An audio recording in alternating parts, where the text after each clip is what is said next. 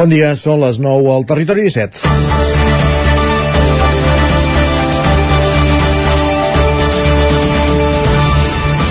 Catalunya és moltes coses i entre aquestes moltes coses també és un país sobre rodes. No parlo de la indústria de l'automoció ni del món del motor, avui toca parlar de patinatge i en aquesta terra de patinadors Osona fa anys que hi escriu noms d'equips i esportistes en lletres d'or, sobretot en una disciplina concreta, l'hoquei patins.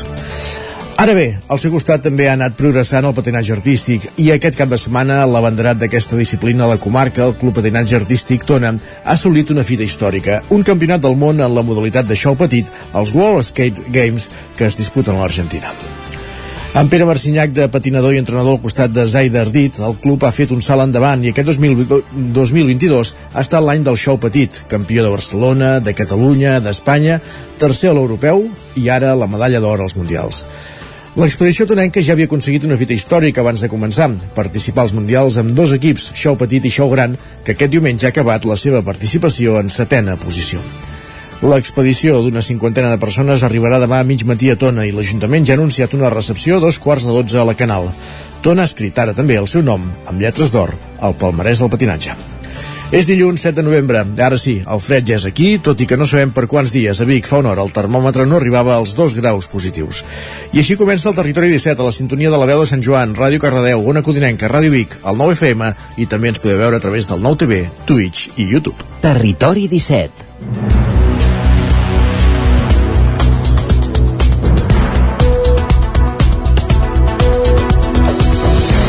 Doncs és moment de començar el Territori 17 que us acompanyarà des d'ara fins al punt de les 11 i ho farem com cada dia amb l'actualitat de les nostres comarques, el Vallès Oriental, l'Osona, el Ripollès i el Moianès i fem-vos companyia des de les emissores que dia a dia fan possible aquest programa.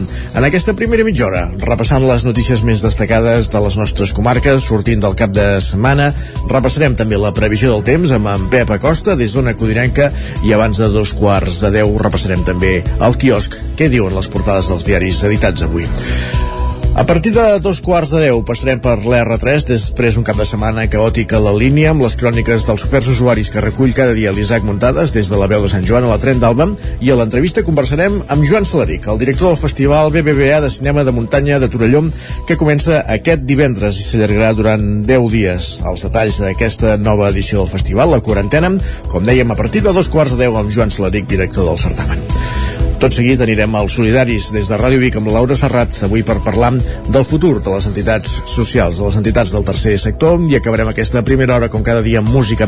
A la quadra del programa ens posarem al dia de la, amb les notícies més destacades de casa nostra i a partir d'un quart serà el moment de parlar d'esports amb aquest gran protagonisme protagonista del cap de setmana el Club de Patinatge Artístic Tona, campió del món amb la modalitat de show petit aquest cap de setmana a l'Argentina.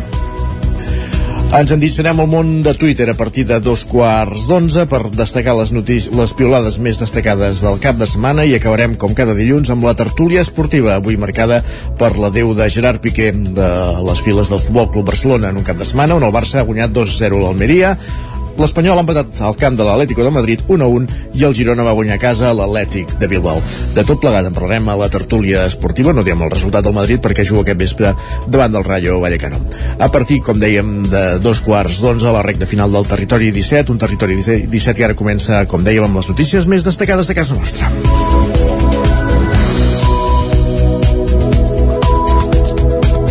Medalla d'or del Club Patinatge Artístic Tona la modalitat de show petit als World Skate Games de l'Argentina. Sergi Vives. El Club Patinatge Tona ha assolit una fita històrica per l'esport de la comarca d'Osona la matinada d'aquest diumenge. Ha aconseguit el campionat del món de patinatge en la modalitat del show petit. L'èxit ha arribat en el marc dels World Skate Games que s'estan disputant aquests dies a l'Argentina. El grup de patinatge tonenc ha aconseguit una puntuació de 130,2 de 130 amb la representació de la peça Artistic Project. En la segona posició hi ha acabat l'equip italià de Jabu amb el número I'm No I'm que ha obtingut 129,6. Ha tancat el podi el CPA Gondomar de Galícia, que ha interpretat Last Canary, arribant als 123,3. El campionat del món és la cirereta a un gran any dels grups d'aixòs petits de la CPA Tona, que aquest 2022 ja va obtenir els campionats de Barcelona, Catalunya i Espanya i que va ser tercer classificat a l'europeu. Paula Fontrodona, patinadora del Tona, valorava la gesta en declaracions a la xarxa. Quan vam ser conscients de que participàvem al Mundial, eh, l'objectiu eh, sí que era intentar fer medalla, ja que havíem guanyat el Campionat de Barcelona, el de Catalunya, el d'Espanya, i havíem quedat tercers al Campionat d'Europa. Per tant, sabíem que la medalla era possible, però hi havia molts grups que teníem opcions i bé, un tercer lloc ja hagués estat de luxe, doncs imagineu-vos un, un primer. Encara estem que no ens ho creiem.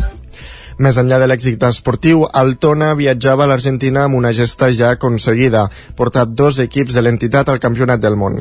Aquest diumenge al vespre competien en la modalitat del show gran, on l'equip del Tona ha acabat en setena posició. Més qüestions. Un camioner moria atropellat divendres pel seu propi camió després d'aturar-se al voral de la C-17 a Ceba.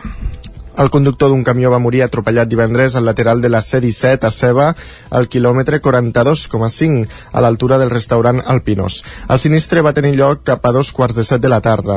Per causes que encara s'estan investigant, el conductor i únic ocupant del vehicle va aturar el camió al lateral de la C-17 després de deixar l'autovia en sentit sud. L'home va baixar del vehicle i va ser atropellat pel camió, que no estava frenat. Com a conseqüència de l'accident, el conductor de nacionalitat italiana va quedar atrapat i va acabar morint. Arran de la incidència es van activar tres patrulles dels Mossos d'Esquadra, tres dotacions de bombers de la Generalitat que van realitzar tasques d'excarceració de, i dues ambulàncies del sistema d'emergències mèdiques.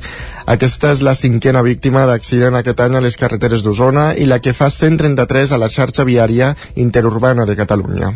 Els accidents s'han produït a l'eix del Lluçanès, a la, la C62, a Olost, la carretera del Collell a Sant Agustí, a Sora, i dins el nucli Sant Hipòlit de Voltregà, la carretera de Collsospina a Muntanyola i la C17 a Seba.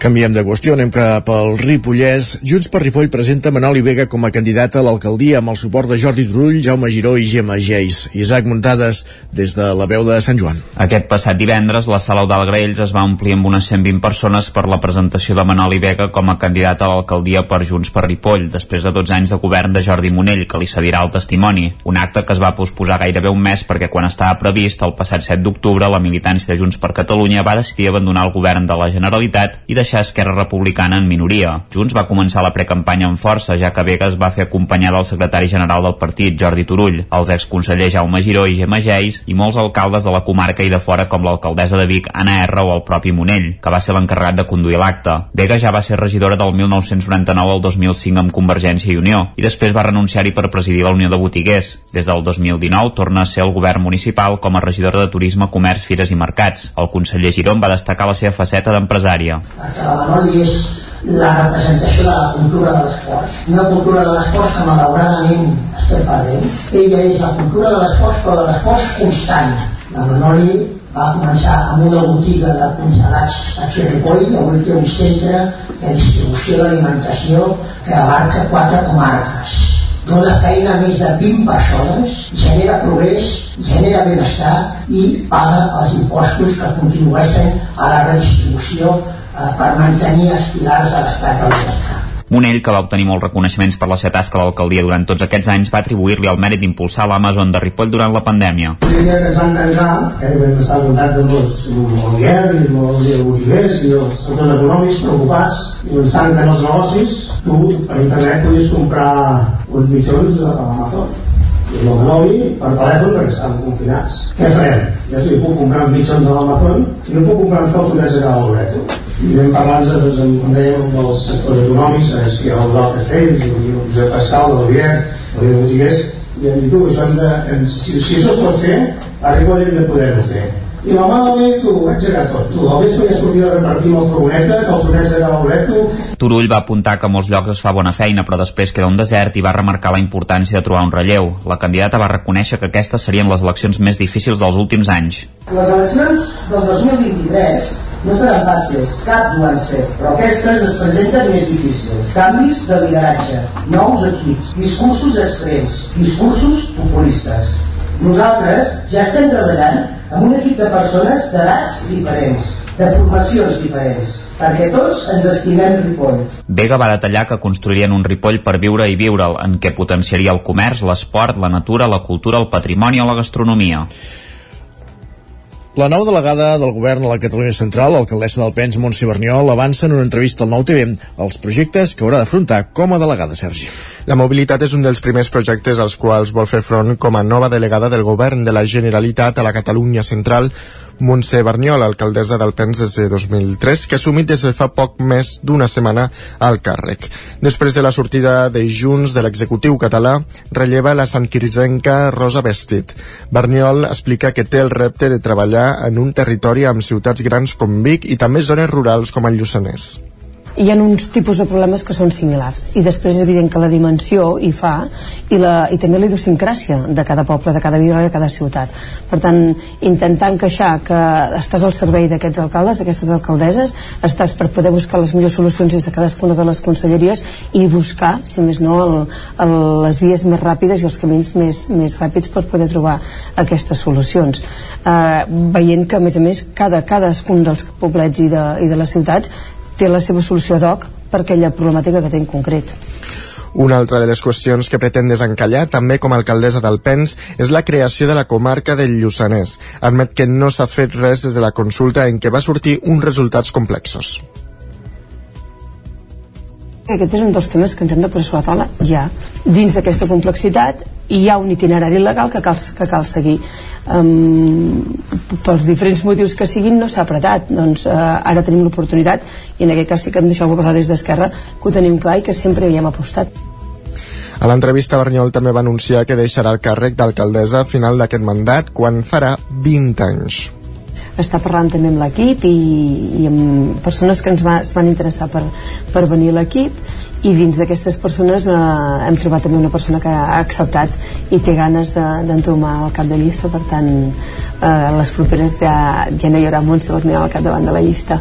És una etapa eh, amb molt d'honor jo l'he fet, amb molt d'orgull per poder prestar els teus dies i els teus anys a, al servei públic de l'Ajuntament i que de fet és l'etapa on treballes més per la ciutadania més pròxima per tant és, és molt bonic si ho pots fer amb un equip molt bo que jo he tingut aquest privilegi de tenir-los al llarg de tots aquests anys al capdavant de la llista d'Esquerra, el PENS, la rellevarà Toni Prat, que s'estrenarà en política i de la candidatura anterior repetiran tres persones i n'entraran quatre de noves.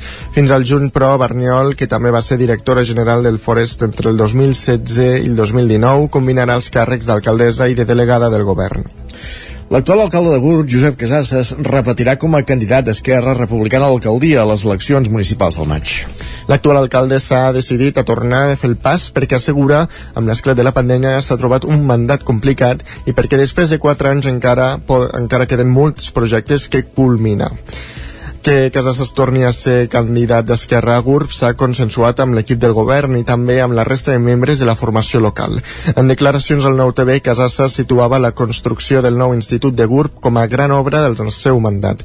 Si al maig de 2023 el poble li revalida el, de nou la confiança, té clar quins seran els projectes que desplegarà. I ens han quedat, sí que és cert, projectes importants com pot ser l'edificació o la construcció d'habitatge assequible, sobretot pensant en, en jovent. Això ens ha quedat per fer perquè la zona que estava prevista doncs, és una, un pla parcial d'iniciativa privada, els ritmes han sigut diferents dels que, dels que tots hauríem volgut, eh, ens ha quedat pendent perquè a nosaltres també ens agradaria doncs, implantar el, el porta a porta. I també estem tirant endavant doncs, la, la remodelació de, de l'antiga 152 a, a una forma més, més de carrer o avinguda o més, més pacificada i crec que serà important la propera legislatura tenir en compte doncs, eh, amb el context de crisi que estem actualment tenir en compte les necessitats que puguin tenir els, els nostres ciutadans i ciutadanes sobretot des del punt de vista social i d'emergència climàtica o de pobresa energètica. L'any 2019, i gràcies a un acord amb els independents, Casasses va convertir-se en el primer alcalde republicà de Burg, rellevant a Joan Roca en el càrrec. Més qüestions anem cap al Vallès Oriental perquè de, hi ha un detingut per robar en cases de Canovelles i Barberà del Vallès a les quals estava eh, entrava escalant per la façana. Pol Grau, Ràdio Televisió, Cardedeu. El passat 31 d'octubre, els Mossos d'Esquadra van detenir un home de 32 anys autor de nou robatoris amb força a cases de Canovelles i Barberà del Vallès. El mateix dia de l'arrest, la policia va rebre un avís on s'informava que havia saltat l'alarma d'una casa de la localitat del Vallès Occidental.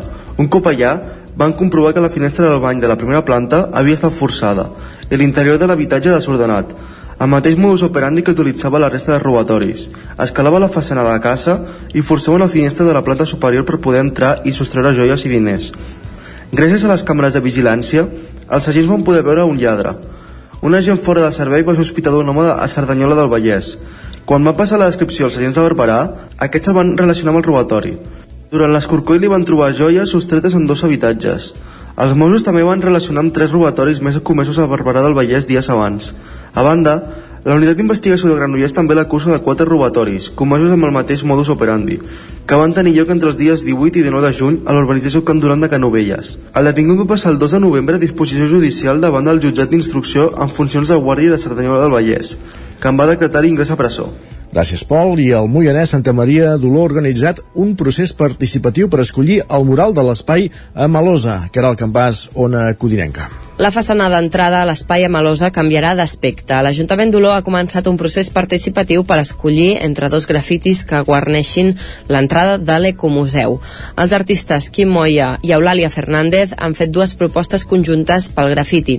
Ara els veïns d'Olor poden votar via telemàtica o presencial. Xavi Baraut, alcalde d'Olor, explica el perquè del procés participatiu. Es van rebre propostes, es va mirar la, la façana de l'espai a Malosa i un cop hi ha les diferents propostes es va decidir doncs, que fer un procés participatiu perquè creiem que és un tema que, que ens afecta més o menys a tots. El procés participatiu també permet votar una tercera opció, deixar la paret tal com està. Fins al dia 15 de novembre hi ha temps per votar. Baraut explicava que han volgut mantenir dues vies de votació per incentivar la participació. Creiem que és bastant senzill, fer eh, online, és a dir, amb un formulari que, que fer des del mòbil o des de l'ordenador, i si no també eh, en paper que es passarà amb la, amb la gent eventual perquè la gent pugui votar i pugui votar tothom. Les dues propostes de grafiti busquen donar una imatge representativa del poble amb elements característics com la rosa vermella i el perfil del centre històric. Gràcies, Caral. Acabem aquí aquest repàs informatiu que començàvem al punt de les 9 en companyia de Sergi Vives, Caral Campàs, Pol Grau i Isaac Muntades. Moment al territori 17 de saludar en Pep Acosta, moment de conèixer la previsió del temps. Casa Terradellos us ofereix el temps. Sortint d'un cap de setmana tranquil, com serà la setmana, tot plegat ens ho explica en Pep Acosta. Anem a una codinenca. Pep, bon dia. Molt bon dia. Per fi som dilluns, comença una nova setmana. Correcte. I per fi som aquí a l'espai del temps. Uh, S'acaba un cap de setmana uh, que pel que fa al temps ha estat força tranquil, no hi ha hagut uh, grans uh, ingredients meteorològics, uh, ni molta pluja, ni molta neu, ni molt fred, uh, un temps com deia, bastant, bastant tranquil. I mm, per mi eh, que ha estat eh, dominat per dues coses.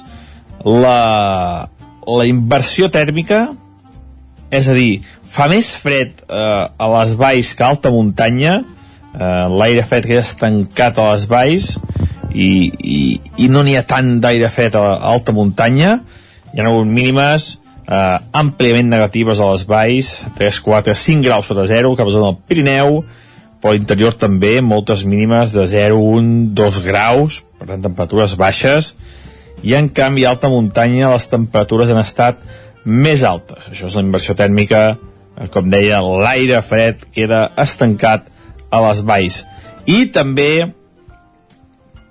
l'altre element que ha tingut el cap de setmana és la, la diferència de temperatura entre el dia i la nit. Hi ha molta amplitud tèrmica entre el dia i la nit. Eh, les mínimes, com deia això, eh, en moltes zones eh, entre 0 i els 5 graus, diria jo, moltes, moltes poblacions entre 0 i els 5 graus, i en canvi les màximes eh, 21, 22, 23 graus a tot estirar, amb molta amplitud tèrmica, molta diferència entre el dia i la nit. I aquesta nit també ha estat força tranquil·la, gairebé cap núvol, només algun núvol prim, molt poca cosa, i les temperatures han estat molt semblants a l'última nit. Novament, alguna glaçada cap al Pirineu, però la majoria de temperatures mínimes entre el 0 i els 5 graus. Serà un dia avui també molt tranquil, només a la tarda un increment de núvols provocat per un front atlàntic, però que es troba lluny de casa nostra i que no ens deixarà gaire més conseqüències que aquests quatre núvols d'aquesta tarda. Les temperatures màximes també molt semblants a les d'ahir, la majoria de màximes entre el 17 i els 22 graus. Poder un valor de 23, eh, però ja serà molt, molt poc habitual aquests números de 23 graus eh, a les nostres poblacions. La majoria, com deia, entre els 18 i els 22 eh, graus. Eh, vents poc destacables també, situació molt encalmada, tenim una mica de falca anticiclònica que fa que les temperatures eh, hi siguin bastant normals per l'època de l'any, fa que no hi hagin precipitacions i fa que tinguem un temps força, força estable. Almenys aquest temps tan estable durarà dos o tres dies.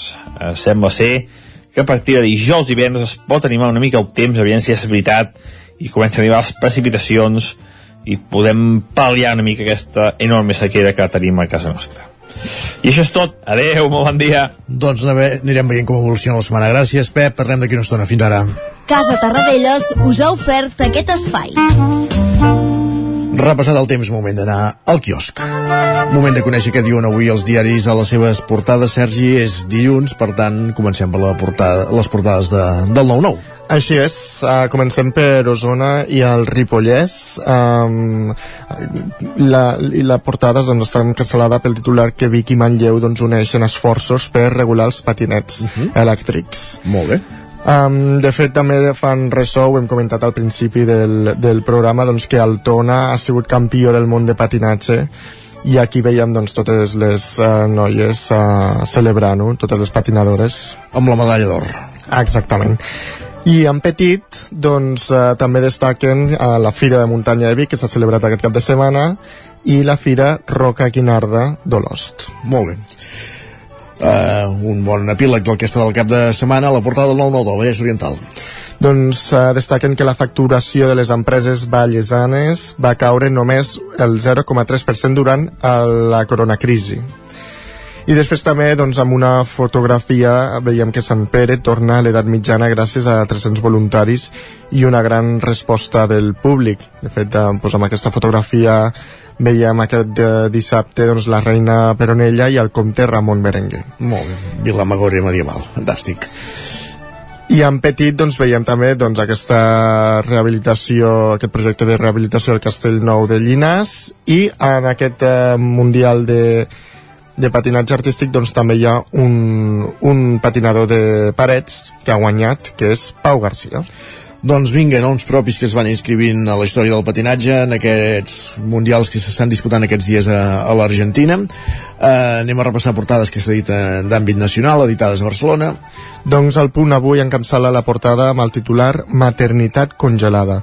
I és que diuen que creix el nombre de dones joves que reserven òvuls per tenir fills en un futur. Carai. De fet, diuen que el 80% es decanten per aquesta opció uh -huh. perquè no tenen una parella estable i també fan ressò de la cimera del clima de la COP27 que s'està celebrant a Egipte amb sí. el titular Un planeta que demana socors i amb una fotografia doncs, veiem un activista que es manifesta durant la inauguració de la cimera. Molt bé. El periòdico destaca eh, que el comerç eh, el comerç espera doncs, un Black Friday de rècord i avui dediquen gairebé mitja portada a Bruce Springsteen. Caram, per què? Què ha fet? Doncs diuen que és el, el boss, eh, que, que el boss és un predicador del soul i es refereixen doncs, amb el seu nou disc, Only the Strong Survive, que ret homenatge a la música afroamericana dels anys 60. i aquí el veiem doncs, amb una fotografia eh, en un concert.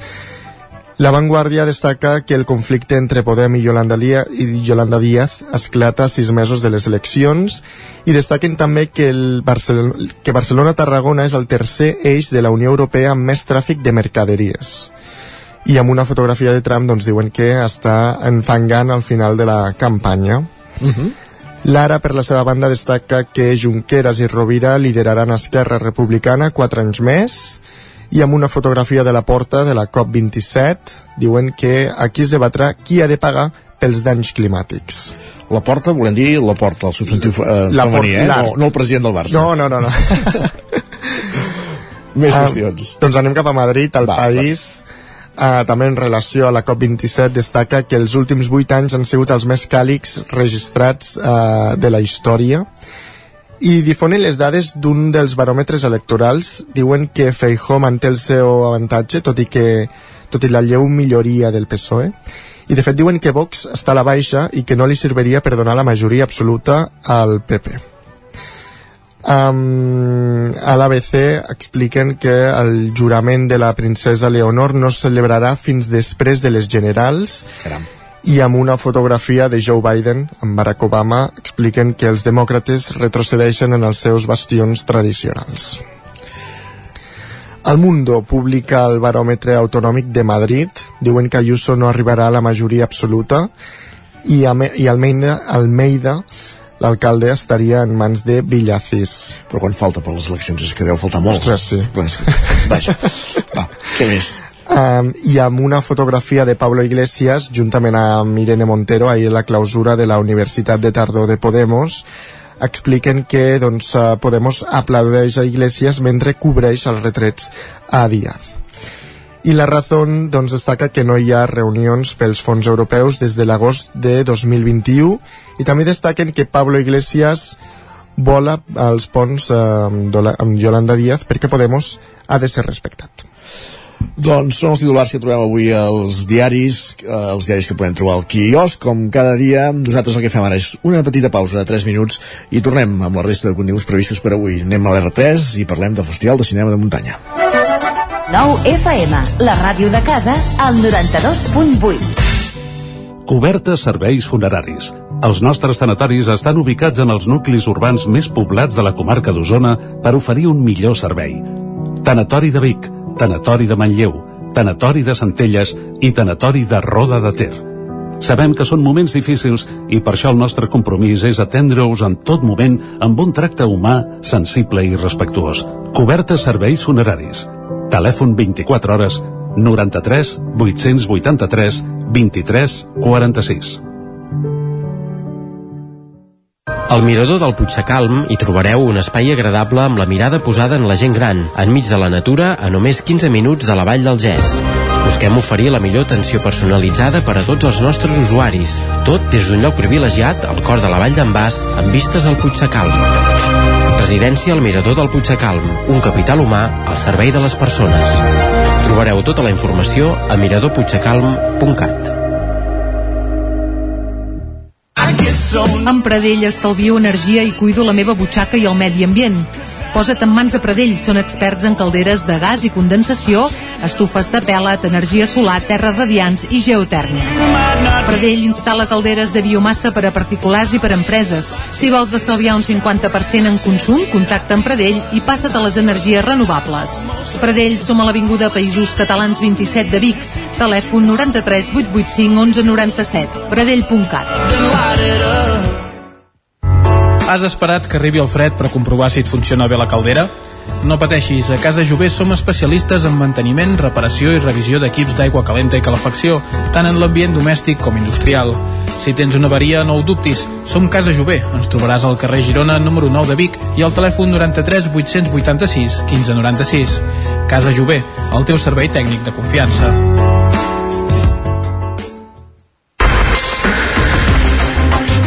El 9 FM, la ràdio de casa, al 92.8. Cocodril Club. Si t'agrada la bona música dels anys 60, 70 i 80, escolta el 9 FM als matins de dissabtes i diumenges d'11 a 1. És el temps del Cocodril Club, tot un clàssic de la ràdio, amb les bases del pop-rock, les llegendes, les cançons que s'han convertit en autèntics himnes. Recorda, dissabtes i diumenges al matí, d'11 a 1, al 9 FM 92.8. Cocodril Club, el programa revival de l'Albert Malla. Hasta luego, cocodrilo. Anuncia't al 9FM. La màquina de casa. 9 3 8 8 9 4 9 4 9. Publicitat arroba al 9FM.cat. Anuncia't al 9FM. La publicitat més eficaç. Territori 17.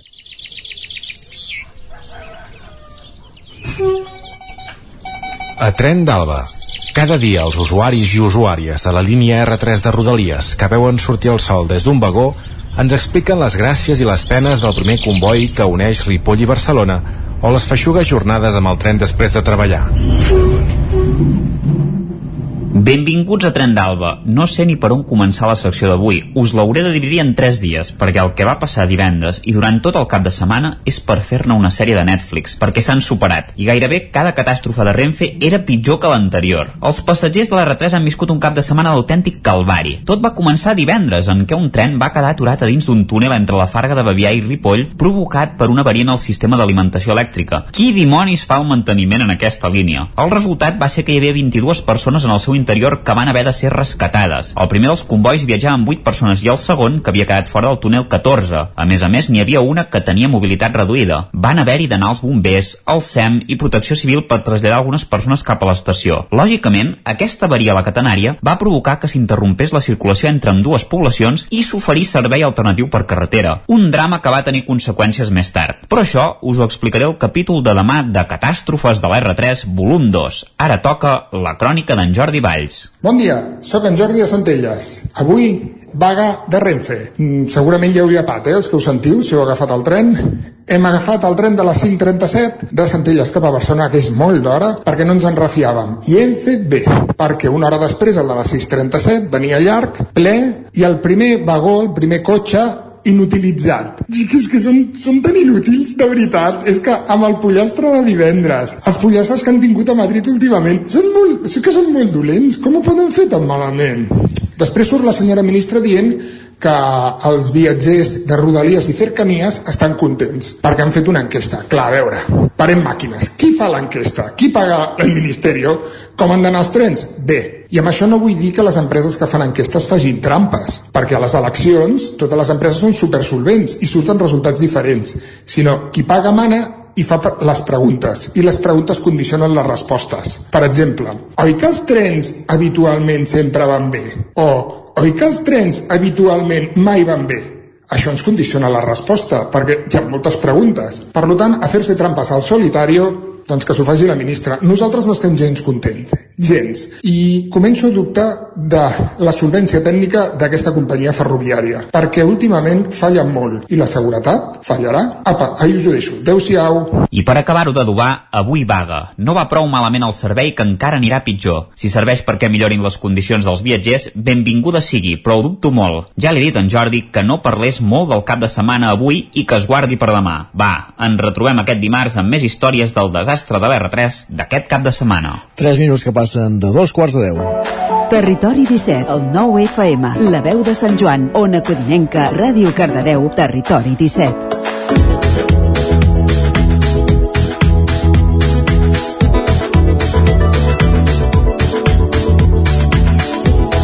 Aquest cap de setmana, divendres, comença la quarantena edició del Festival BBVA de Cinema de Muntanya de Torelló. Per parlar, per entrar en detalls d'aquest festival, ens acompanya el director del certamen, Joan Salaric. Benvingut, bon dia.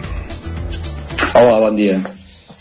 40a edició del Festival de Cinema de Muntanya. Dèiem que comença divendres, perquè de fet les dates oficials són de l'11 al 20 de novembre, però ja hi ha un preludi el dia 10, dijous, relacionat precisament amb aquesta celebració, no? Sí, exacte. Bé, aquest any vam poder aprofitar aquesta, aquesta oportunitat de, de poder projectar aquesta pel·lícula i bueno, bé, se'ns va ocórrer doncs, fer-ho eh, fora de les dates oficials de, del festival, que comença divendres, com deies, i començarem el dijous, a més a més, amb una sessió eh, gratuïta, uh -huh. amb entrada lliure per tothom i amb una pel·lícula realment doncs, eh, històrica eh, pel fet d'haver set la, la pel·lícula, no sé si en aquests moments, però eh, a l'època va ser la, la més premiada de la història i penso que continua sent-ho. Llavors, doncs, eh, és una, penso que és una bona manera de començar el festival d'aquest any. Una pel·lícula que es diu Everest to Summit, que com deies es podrà veure el dijous en aquest preludi del, del 40è Festival de Cinema de Muntanya de Torelló que entre molts dels ítems informatius d'aquesta edició té Mongòlia com a país a qui dedica l'eix central de, del festival. Per què Mongòlia i com serà, diguéssim, aquest, eh, aquesta presència mongol al Festival de Torelló aquest any? Bé, Mongòlia eh, perquè és un país que ofereix explicar moltes coses i moltes coses relacionades precisament doncs, amb, amb el canvi climàtic, medi ambient, eh, protecció, territori, que és un dels, dels objectius que persegueix el festival i en el qual estem posant molt d'èmfasi en aquestes darreres edicions. Eh, Mongòlia serà present en el festival eh, a part de l'espectacle inaugural on, mm -hmm. on parlem de Mongòlia amb, amb, amb experts eh, on hi haurà música tradicional mongola i també doncs, eh, cinema i també serà present doncs, l'exposició principal del festival que estarà com, com sempre al, al foyer del teatre i llavors doncs, en el festival de la biblioteca que voldria recordar que aquest any doncs, per, per obres que s'iniciaran si no s'han iniciat ja eh, hem hagut de diversificar els, els llocs on tindrà, on, on tindrà efecte aquests, aquests, aquests eh, espais o aquestes eh, activitats paral·leles i s'ha diversificat entre la, la biblioteca del barri de Montserrat uh -huh. i el casal eh, cívic. Molt bé. Vol dir que eh, en el casal cívic hi haurà dues conferències sobre Mongòlia, mm, més de caire de viatges, i en, el, en la biblioteca del barri de Montserrat doncs, hi haurà eh, els, els, les hores del conte a la canalla i a més a més doncs, un, una, una trobada de, del, del club de lectura amb, amb un llibre d'una, crec que és una autora japonesa eh, sobre Manxúria, que de fet és un territori veí de, de Mongòlia. -hmm. Es deia també que Mongòlia serà precisament el protagonista de la sessió inaugural d'aquest divendres al vespre al Teatre Sirvianum. Eh, en què consistirà, diguéssim? Qui, qui seran els participants, els ponents en aquesta eh, sessió inaugural? Bé, eh, inicialment, és a dir, que, que, que l'acte estarà, estarà mm, presentat per Nati Dell, mm -hmm. periodista de, de Catalunya Ràdio, que aquestes darreres edicions doncs, ha, ha portat aquest espectacle, i seran presents eh, la Natàlia Eguez, que és una etnopaleontòloga eh, que està, ha estat treballant i encara continua treballant-hi durant certes èpoques de l'any a Mongòlia, estudiant doncs, la, la vida, sobretot, eh, dels nòmades mm, d'aquest país. Cal dir que eh, el 30% de gent d'aquest poc poblat eh, país de Centràsia són nòmades. Vol dir que a, a efectes d'investigar aquesta, aquest, aquesta cultura doncs és molt present amb la, amb la feina que fa la, la Natàlia. Uh -huh. eh, llavors també hi haurà l'Enric Soler Raspall, que és un viatger, ha estat dues vegades a, a Mongòlia, ens, podrà, ens podrà parlar del país des d'aquest punt de vista, i finalment eh, eh, perdó, Gerard Canals, que és de Vic, i és eh, mediambientalista i ha estat estudiant també la part més eh, folclòrica i tradicional d'aquest país de, de Mongòlia. Eh, ell ens parlarà d'aquesta part més, més cultural i també sobretot de la música que és molt present en la, en la vida dels, dels mongols perquè ell eh, toca instruments eh, tradicionals mongols i a més a més doncs, eh, canta aquest típic cant que diuen que ve, prové de les muntanyes d'Altai, uh -huh. a l'oest de, de Mongòlia, i és un cant eh, gutural, eh, segurament que molta gent n'ha sentit a parlar o, o el coneix, però aquí el podrem escoltar doncs, en, en directe, eh, cantat per un especialista d'aquest tipus de, de cant. Això serà divendres, com dèiem, en la sessió inaugural d'aquest Festival de Cinema de, de Muntanya. A partir de dissabte ja començaran les projeccions de, de la secció competitiva. El sentíem dir a la roda de premsa que sobretot aquest any s'ha notat la, la manca de produccions que va haver-hi durant els anys de, de la pandèmia, com si quedés tan lluny, eh? l'any 2020 i, i 21 Eh, eh, de fet s'han rebut 118 pel·lícules de 32 nacionalitats i s'ha pogut fer una, una, una selecció de 41 pel·lícules que sí que la selecció més o menys està en la línia de, de la resta d'anys però entenc que s'han rebut menys films eh? Sí, de fet, de fet el, descens, el descens és eh, el descens és eh, no és molt elevat perquè darrerament està en un moment amb les 120-130 pel·lícules, per tant doncs és, és un descens molt lleuger, però sí que es, es nota, doncs, per exemple, doncs, amb, amb eh, l'any la, de, de, que la pel·lícula s'ha acabat, s'ha presentat el producte, i aquest any, doncs, per exemple, doncs, hi ha més, menys pel·lícules que s'han eh, estrenat aquest 2022. Tot i que també és veritat doncs, que comptarem amb tres estrenes mundials, cosa que eh, és, és molt important i, i en aquestes últimes edicions seguir eh, gaires estrenes. Per tant, doncs, potser una cosa va per l'altra, però sí que entenem doncs, que, evidentment, doncs, els efectes de la pandèmia no es van produir, eh, entenem, el 2020 o el 2021, sinó que eh, s'han produït aquest any de, degut doncs, al temps que, fa, que passa entre que una pel·lícula està rodada i el producte s'ha acabat. Uh -huh. Un 25% de les pel·lícules que es projectaran són de l'estat espanyol i sis d'elles catalanes. déu nhi també el volum de producció catalana. Sí, aquest any, eh, bé, de fet, estem molt satisfets d'aquesta participació catalana, que normalment sí que en quant a participació ens movíem amb unes xifres força similars, però la selecció, doncs, eh, malauradament no podíem comptar amb tantes pel·lícules, aquest any doncs, eh, realment hi ha hagut una, una bona producció. Eh, a més a més d'aquestes sis pel·lícules que és catalanes però a més a més n'hi ha sis també. Una, una no és catalana però està, és en català. Eh, per tant doncs hi ha sis pel·lícules en català i això doncs sí que és una rara avis dintre de, de, de la selecció del festival com dèiem, començaran ja les projeccions aquest cap de setmana de pel·lícules, n'hi ha moltes per veure, com dèiem, 41 de la secció competitiva, de noms destacats de gent que ja ha escrit el seu nom al palmarès de, del festival, però també hi ha tot d'activitats paral·leles, per exemple, aquest cap de setmana ja hi ha la, ses la sessió més extrem, amb les pel·lícules d'esports de, més extrems de, de muntanya, eh, o, o fins i tot la, la pel·lícula que es pensa més pel públic infantil dels diumenges al migdia. En fi, tot en, en dues sales de projecció, el Teatre Sirvianum, el Cinema al Casal i, i multitud d'activitats paral·leles. Sí, de fet el, el programa és força semblant eh, al de les darreres edicions.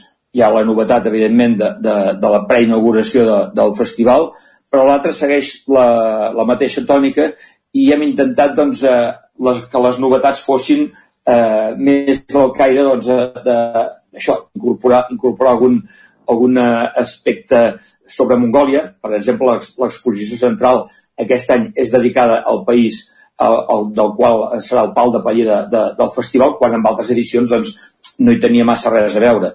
Eh, bé, hem intentat doncs, posar més èmfasi sobre el país aquest i, i per altra banda doncs, hem mantingut doncs, força eh, les, els altres, els altres activitats de, del festival. Mm, no sé si en parlarem, però també voldria doncs, per exemple, que el, el, el, Tour de el Tour de Mountain Wines eh, sí que ha tingut, ha tingut eh, eh, estat plenament consolidat. Uh -huh. eh, aquest any doncs, amb una molt bona participació de cellers. De fet, el, el rècord, 22 cellers, de, no només de Catalunya, sinó que n'hi ha de l'Aragó i d'Andalusia. I també una altra, una altra novetat que bé, nosaltres n'esperem molt, que és el fet de poder facilitar eh, que la gent doncs, pugui menjar, diguem-ne, in situ. Eh, la carpa que muntem doncs, eh, durant tota la, estarà posada durant tota la setmana a la plaça i en allà doncs, hi haurà servei de, de begudes i, i de menjar per facilitar aquest, aquesta trobada, aquest punt central que, que vol ser el festival i a més a més doncs, eh, que la gent ja pugui viure el que és el festival eh, abans d'entrar a la sala. Uh -huh.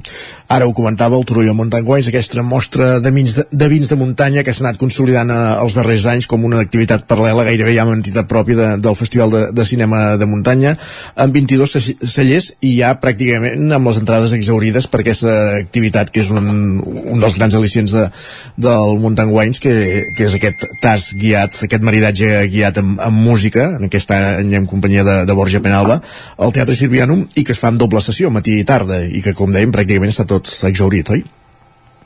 Està, està tot, tot o sigui, està no, tot no pràcticament. Sí, doncs... les entrades que es van posar a la venda, evidentment, doncs, en quedarà alguna, suposo, doncs, per, per vendre taquilla, però les, les 150 que es van posar a la venda eh, per internet es van esgotar i ja fa, ja fa crec que 4 o 5 dies que estan, que estan exaurides. Bé, eh, és una mostra més de l'interès que hi ha doncs, per, aquest, per aquest tas guiat eh, que de fet és, és fruit de, de la pandèmia. Va, va néixer doncs, amb la impossibilitat de poder fer um, només la fira i es va, es va traslladar eh, a dintre del teatre. Jo penso que amb una, amb una activitat doncs, força novedosa com és fer un tas de vins en un teatre, però va funcionar molt bé i la prova és doncs, que ja s'ha fet una, una, un grup de gent doncs, molt addicte a, aquest tipus, a aquesta proposta i que no ha fet res més que augmentar doncs, amb, el, amb el pas del temps. Aquí l'aventura és pels cambrers que han de, de salvar les, els esgraons per anar servint les copes, però vaja. Uh, uh, Joan, no m'agradaria acabar l'entrevista sense parlar de, de l'efemèride, 40 anys. Qui us havia de dir quan fa 40 anys començàveu a projectar pel·lícules per entendre'ns al casal que el festival arribaria a tenir el ressò, la magnitud que, que ha tingut al llarg d'aquests anys. Està més que consolidat, ja fa molt temps que parlem en, en aquests termes i, i d'un festival amb un format molt, molt consolidat també, però, però déu-n'hi-do la gesta també, eh? De, fet, de fet, penso que és conseqüència de, de l'esforç que, que s'hi ha posat entre, entre tota la gent que, que intervé, les ganes de donar-hi continuïtat i, i aquesta millora que intentem fer any rere any eh, bé, s'ha arribat, s'ha arribat fins aquí i penso que era, era un dels objectius que, que teníem i només ha estat conseqüència doncs, de, de la feina que s'ha fet, la feina ben feta i eh, de fet estem molt satisfets, evidentment. Mm, però també diria doncs, que eh, a veure, sí, som, som 40 anys però encara hi ha molta feina per fer i, i el festival doncs, encara té, té marge de millora i, i amb això estem. Mm. Ara, aquest any, d'aquí uns quants dies presentarem el que hem preparat durant tot l'any, uh mhm. -huh. però quan acabi eh, comencem a preparar la, la 41ena. Vol dir que, bé, intentarem viure de la millor manera possible i, i llavors comencem a treballar per la, per la propera. I grans noms que passaran aquest any per Torelló? de l'alpinisme aquest any hem, hem centrat molt eh, els noms els hem centrat sobretot amb les eh, hem d'aprofitar el fet que hi hagi eh, tantes pel·lícules eh, catalanes doncs, perquè hi puguin haver els equips de, de, de realització. Entenem doncs, encara que hi ha dificultats per, per viatjar, no és fàcil, eh, econòmicament és eh, costós, i per sort doncs, eh, aquest any doncs, hem pogut comptar amb aquesta participació del, del país i evidentment doncs, intentarem doncs, eh, fer la màxima que tingui la màxima sortida possible i, i poder donar a conèixer les pel·lícules que han presentat al festival doncs, a la major mm, quantitat de gent possible. Mm -hmm. 40 anys al Festival de Cinema de Muntanya de Torelló, la quarantena edició arrenca divendres, dijous amb aquest preludi que començàvem, eh, i durant 10 dies activitat relacionada amb el món del cinema i la muntanya de Torelló. Gràcies, Joan Soladic, i sort en aquest festival i que en vinguin molts més a darrere. Molt bé, moltes gràcies. Bon dia. Nosaltres bon. avancem al territori 17 i anem tot seguit cap als solidaris.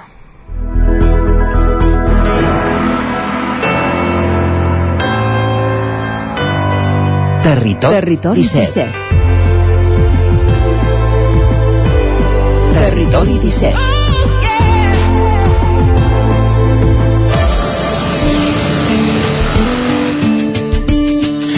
Els Solidaris, l'espai que cada setmana ens acosta la Laura Serrat des de Ràdio Vic per conèixer les interioritats de les entitats que treballen pels altres, de les entitats solidàries, de les entitats del tercer sector. Portem unes quantes sessions, unes quantes setmanes que anem fent monogràfics sobre algunes d'aquestes entitats i avui toca parlar de futur. Laura, bon dia. Després de veure i conèixer les dificultats econòmiques, les reticències i les limitacions per la pandèmia a les quals s'ha enfrontat el sector social, Avui, des de Ràdio Vic i a través de l'antena del Territori 17, encarem un reportatge en què les entitats ens parlen sobre els projectes que tenen entre mans d'aquí en endavant i ens fan una valoració sobre com veuen el futur de la seva acció social donades totes aquestes circumstàncies. Escoltem novament a Sant Tomàs i Osonament a Osona, la Fundació Vallès Oriental, els Avets del Moianès i la Fundació MAP de Ripoll. Els primers en explicar-nos els seus plans de futur són Ricard Burgals, director de l'àrea d'empresa social de Sant Tomàs, i Anna Gutiérrez, directora del Centre d'Inserció i Formació Laboral EINA. La seva entitat aposta per la inserció laboral dels seus usuaris i la seva missió principal continua sent la de millorar la seva qualitat de vida, tot i els mesos de pandèmia i les dificultats. Un dels projectes que ara marquen l'entitat és la producció de les patates fregides Sant Tomàs, que es van començar a comercialitzar al juliol i que ara ja es poden trobar a diversos establiments d'Osona. Sens dubte, és un projecte que els ajudarà molt a difondre tota la tasca que fan. Gurgals ens detalla dues altres iniciatives. Un altre projecte que tenim és la col·laboració amb la cooperativa Calandra, perquè ja es va sortir en premsa, ens ajuntem és a dir, que l'Andra formarà part de Fundació TAC Osona doncs, en, en breu. Hem estat ja en un procés, diguem, de, de lligam jurídic i, i laboral i, bueno, vull dir que és un servei de la bugaderia que estem, estem molt contents i n'estem aprenent cada dia que, bueno, que, que oferirem com a, com a TAC Osona. I l'altre, que és més, més incipient, però també hem començat, és que estem començant a aprendre a instal·lar plaques solars, ho hem començat amb els nostres edificis. Tenim un projecte formatiu que amb aquest projecte formatiu s'està construint unes brigades per fer això i també bueno, és d'uns nois joves doncs, que s'estan traient un títol, que això és molt important perquè acabaran el projecte traient-se el títol i, i amb la idea d'inserció laboral d'alguna manera i també de millorar l'eficiència dels nostres edificis que fa molta falta, sobretot pel, pel cost de les factures. Tot i que és difícil pensar de cara al futur després d'uns anys tan incerts, Corgals destaca que la seva prioritat serà aconseguir que totes les persones puguin tenir un lloc de feina de qualitat i deixin d'existir les diferències. Ara mateix, com que el món canvia tan ràpid i és que cada setmana és una cosa nova, costa una mica saber què voldries d'aquí 10 anys. Ens agradaria poder no estar tan pendent de tot el que passa al món i que això, diguem, tots tot aquests problemes i vicissituds arriben tan, tan ràpid aquí, diguem, és no ets capaç de pensar el que faràs a final d'any o el voldries per l'any que ve. Sí que fem en tant en tant doncs, plans estratègics o intentem visionar doncs, l'entitat a, a dos, tres anys, ja ho fem. Ara justament hi ha una comissió que, que, que està fent això, però la veritat que el, el dia a dia absorbeix, absorbeix molt, costa compaginar això. M'agradaria, diem, que al futur doncs, totes les persones diguem, que volen treballar poguessin treballar i siguessin llocs de treball de qualitat. Amb això estaria més que satisfet si, si es complís això. La Fundació Privada Vallès Oriental també ens parla sobre les seves prioritats de cara al futur. La seva activitat se centra en l'àrea de serveis diurns i l'àrea d'acolliment residencial. Rafael Arderiu, director general de l'entitat, assegura que el seu objectiu principal és atendre les diferents necessitats que apareixen al llarg de l'etapa adulta, potenciant l'autonomia personal de cada usuari i fomentant la inclusió social i laboral. Bueno, això és la, això és la, la pregunta del milió de dòlars que diuen, no? Bueno, continuar, continuar una mica amb tots els projectes que tenim en marxa, acabar aquests que tenim i aconseguir, aconseguir que la societat eh, continuï amb la millora de, de la seva adaptació a aquestes persones. O sigui, que, que la societat entengui o comprengui que aquestes persones són una més de nosaltres. Això seria, per mi, la, la carta als Reis. No haver-nos de preocupar perquè encara existeixin diferències. De cara al futur, volen aconseguir que la societat entengui que els seus usuaris són un més de la nostra societat. A més, Arderiu remarca que les empreses haurien de canviar l'enfocament i no acollir els usuaris simplement per obligació. L'ideal és que les empreses no hagin de patir per les multes que els hi poden posar si no tenen persones amb discapacitat. Les empreses ara tenen, han de complir una llei que si tenen més de X treballadors doncs han de tenir un, un tant per cent determinat de persones amb discapacitat al, a la seva empresa. Això ara moltíssimes empreses ho fan per obligació. El nostre ideal és que les empreses entenguin que poden incorporar en la seva plantilla persones amb discapacitat sense que la seva activitat productiva tingui per què baixar. Això és el nostre ideal. L'actual director dels Avets, Ramon Ribes, ens explica que la seva principal acció de futur se centrarà en potenciar l'autonomia dels usuaris i veure'ls empoderats. Ribes ens explica que l'any passat van crear un grup d'autogestors centrat a decidir per ells mateixos quines coses volen treballar i quins dels seus drets es poden millorar, per fer propostes tant a dins com a fora de la llar. És amb aquestes iniciatives que l'entitat contraataca la creixent i a vegades innecessària institucionalització de les persones amb discapacitat. Pensem que cada vegada més hem de tendir a no tenir serveis en el qual agrupem persones amb discapacitat, sinó que les persones aquestes estiguin inserides en la societat, vivint en pisos normals, amb la seva família, per si sols, a les empreses ordinàries, en les associacions, i per tant la, nostra, la tasca nostra ha de ser d'acompanyar aquestes persones en el seu entorn natural, però sense tinguer-los d'institucionalitzar treballar cap a una desinstitucionalització de tot el que estem fent i que cada persona eh, individualment tingui les seves pròpies relacions i no majoritàriament entre persones amb discapacitat. Des de la Fundació MAP, l'Armínia Ordeig, la seva directora gerent, ens explica que en el cas de la seva entitat van ser les famílies dels usuaris les que van començar aquest projecte, en un moment en què els seus fills no se'ls permetia anar a l'escola.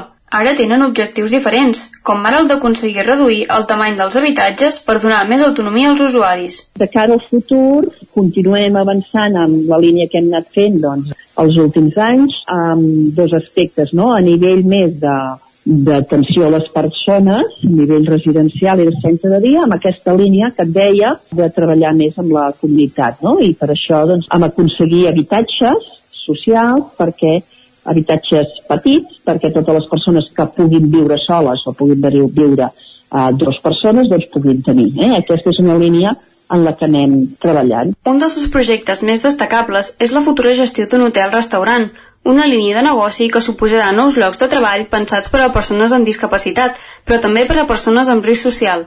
L'entitat va néixer en el seu moment per donar resposta a una necessitat concreta, la de donar sortida a les persones amb discapacitat intel·lectual, i la directora de la Fundació assegura que, ara, s'ha de ser fidel als orígens i continuar donant suport als nous col·lectius vulnerables. En aquests moments, diguem, hi ha una necessitat de persones amb discapacitat que estan cobertes, que s'està cobrint, i és cert que també hi ha noves necessitats de nous col·lectius que són bueno, persones més que diem més vulnerables, de risc social, que s'ha de donar també resposta. No? I en aquesta línia, doncs la Fundació MAP ja s'obre, eh, obrim aquesta mirada, no? no només centrats en les persones amb discapacitat, sinó també discapacitat, malaltia mental i en risc social. Qui també ens va parlar de les noves necessitats va ser la Mercè Generó, gerent d'Osonament. Generó ens va explicar que els principals reptes futurs de la seva entitat se centren en l'atenció a la població infantil i jove per aconseguir el mateix nivell d'integració que tenen els adults. Apostaran per ampliar i millorar els seus serveis, per tirar endavant diversos projectes de recerca enfocats a buscar noves mirades a l'hora de treballar i per oferir recursos formatius als joves. De cara al futur, nosaltres en aquests moments apostem molt o sigui, la continuïtat dels serveis eh, que tenim i fer-los créixer. L'altre és treballar molt la recerca, estem en projectes de recerca amb la Universitat de Vic, tenim la gran sort de ser una comarca que té una universitat aquí i el tenir la universitat ens facilita molt la recerca i això ens portarà a noves mirades de treballar. En aquests moments tenim quatre projectes de recerca en marxa, potents, que ens donaran resultats bons d'aquí poc temps per aprendre a treballar de maneres diferents o atendre la persona de manera diferent. I som pioners a, Catalunya en aquest àmbit eh, de la recerca en salut mental, a la comarca, eh, parlo, comarca, eh? la suma Universitat de Vic, Universitat Central de Catalunya i nosaltres. Aliances amb el territori, aliances amb comarques veïnes, amb el Bages, tenim aliances molt bones a treballar conjuntament projectes molt innovadors, per tant, recerca i buscar alguna manera de poder ser innovadors amb línies de treball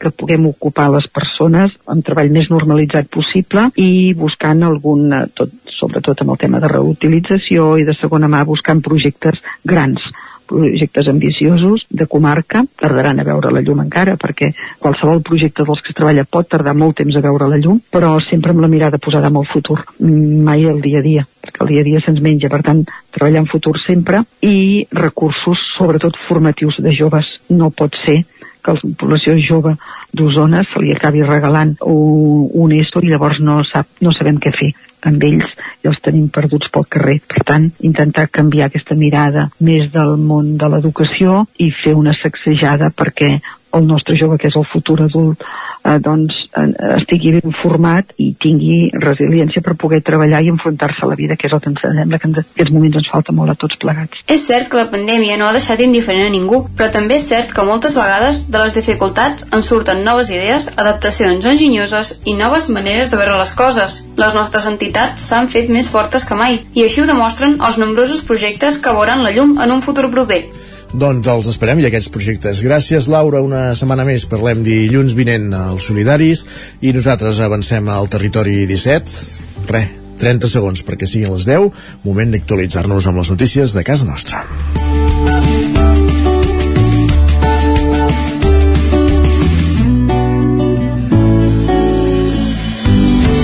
Territori 17. Envia'ns les teves notes de veu per WhatsApp al 646 079 023. 646 079 023. WhatsApp Territori 17.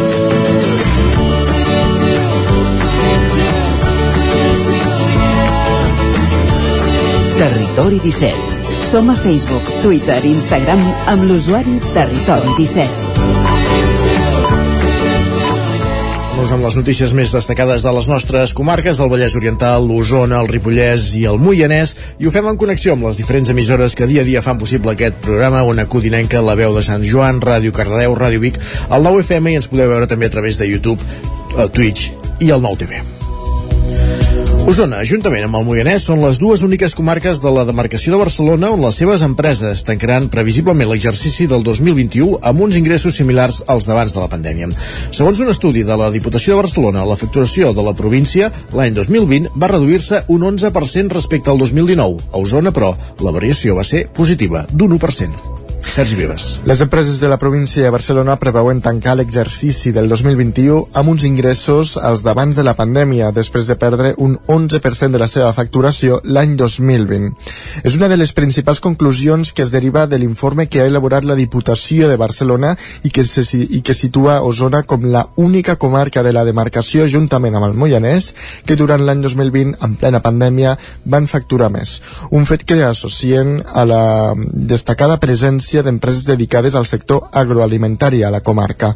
Això ho explicava Eva Mentó, diputada del Departament del Desenvolupament Econòmic, Turisme i Comerç de la Diputació de Barcelona. Zona eh, és una comarca molt especialitzada en el sector agroalimentari, per tant, dintre del el, el, el decurs de la pandèmia no s'ha notat tant aquest sector com altres. A l'altra cara de la, more, de la moneda, els negocis del Barcelonès, el Baix Llobregat i el Maresme han estat els que han registrat una caiguda dels ingressos més destacada, comarques dedicades sobretot al sector serveis. De l'informe també es deriva que les masies de Voltregà, seu del grup Bonpreu i GURB, amb Casa Terradellas, encapçalen el top 3 de municipis de la demarcació, amb una xifra de negoci per càpita més alta.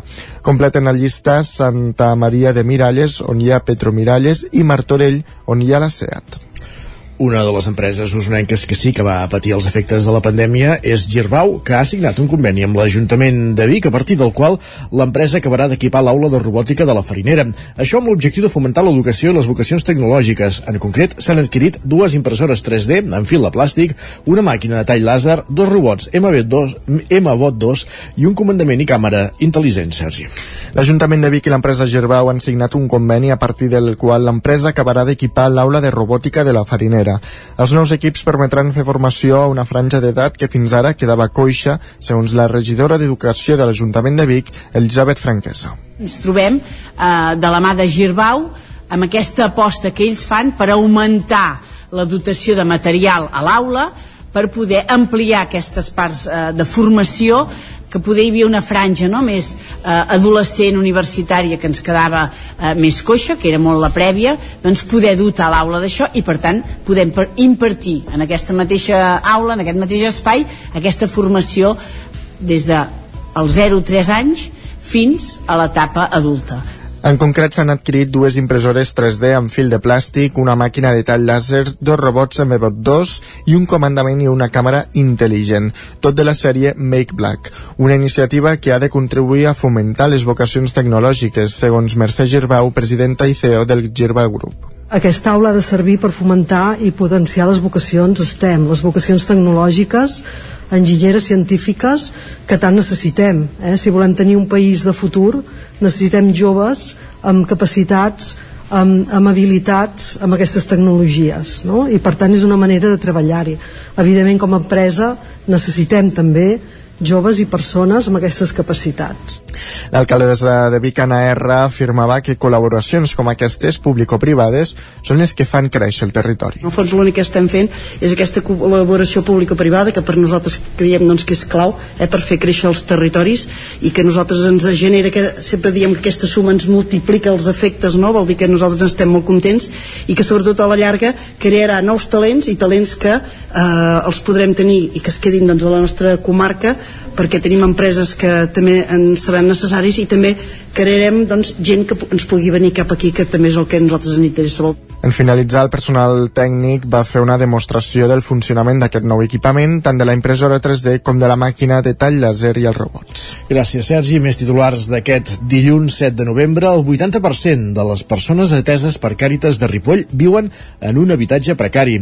Isaac Muntades, la veu de Sant Joan. Un 80% de les persones que tenen a Càritas Interparroquial de Ripoll viuen en un habitatge precari, una xifra demolidora que va impulsar a Càritas Diocesana de Vic a fer una acció de protesta el passat divendres a la plaça de la Vila de Ripoll. En el marc de la campanya fora de cobertura i sota el lema Diguem prou, ningú sense llar, ningú desconnectat, una vintena de persones van reclamar mesures per combatre el sensellerisme perquè tothom tingui un lloc digne per viure. L'acció va consistir a desplegar una sèrie de cartrons amb missatges de conscienciació que simbolitzaven els cartrons on dormen els sense llar al carrer. Casilda Gómez, membre de Càritas a Ripoll, va posar el focus en el problema de l'habitatge a la vila. A Ripoll, temps enrere, cada cert temps es feien pisos de protecció social, això fa 15 anys que no se'n fan, els, els pisos que tenim s'han deteriorat molt i aquesta necessitat s'ha greujat, com deien, però sí que tenim molta, molta necessitat de millora de tot l'habitatge social. Gómez va apel·lar a la Generalitat perquè els fons europeus Next Generation que arribin a Catalunya es dediquin a construir aquests habitatges, ja que segons ella, si se'n fessin 30 o 40, el problema se solucionaria. Actualment, Ripoll compta amb uns 25 pisos de protecció oficial i Càritas té un pis d'acollida temporal, pel qual hi han passat dues dones i dos infants. Bàsicament, prioritzen famílies monoparentals de mares que tinguin un nen petit. Aquest projecte es va engegar fa dos anys i les dues persones que hi vivien ja tenen feina i un salari per anar a un habitatge digne, però hi ha dues mares més en la llista d'espera. Càritas també dona suport i acompanyament en situacions d'exclusió residencial i ha atès a 90 persones de 39 llars integrades al 2021. Encara que el sensellerisme sigui menys comú al Ripollès, la responsable de la direcció de Càritas Diocesana de Vic, Núria Callís, detallava que la precarietat no és només no tenir un habitatge.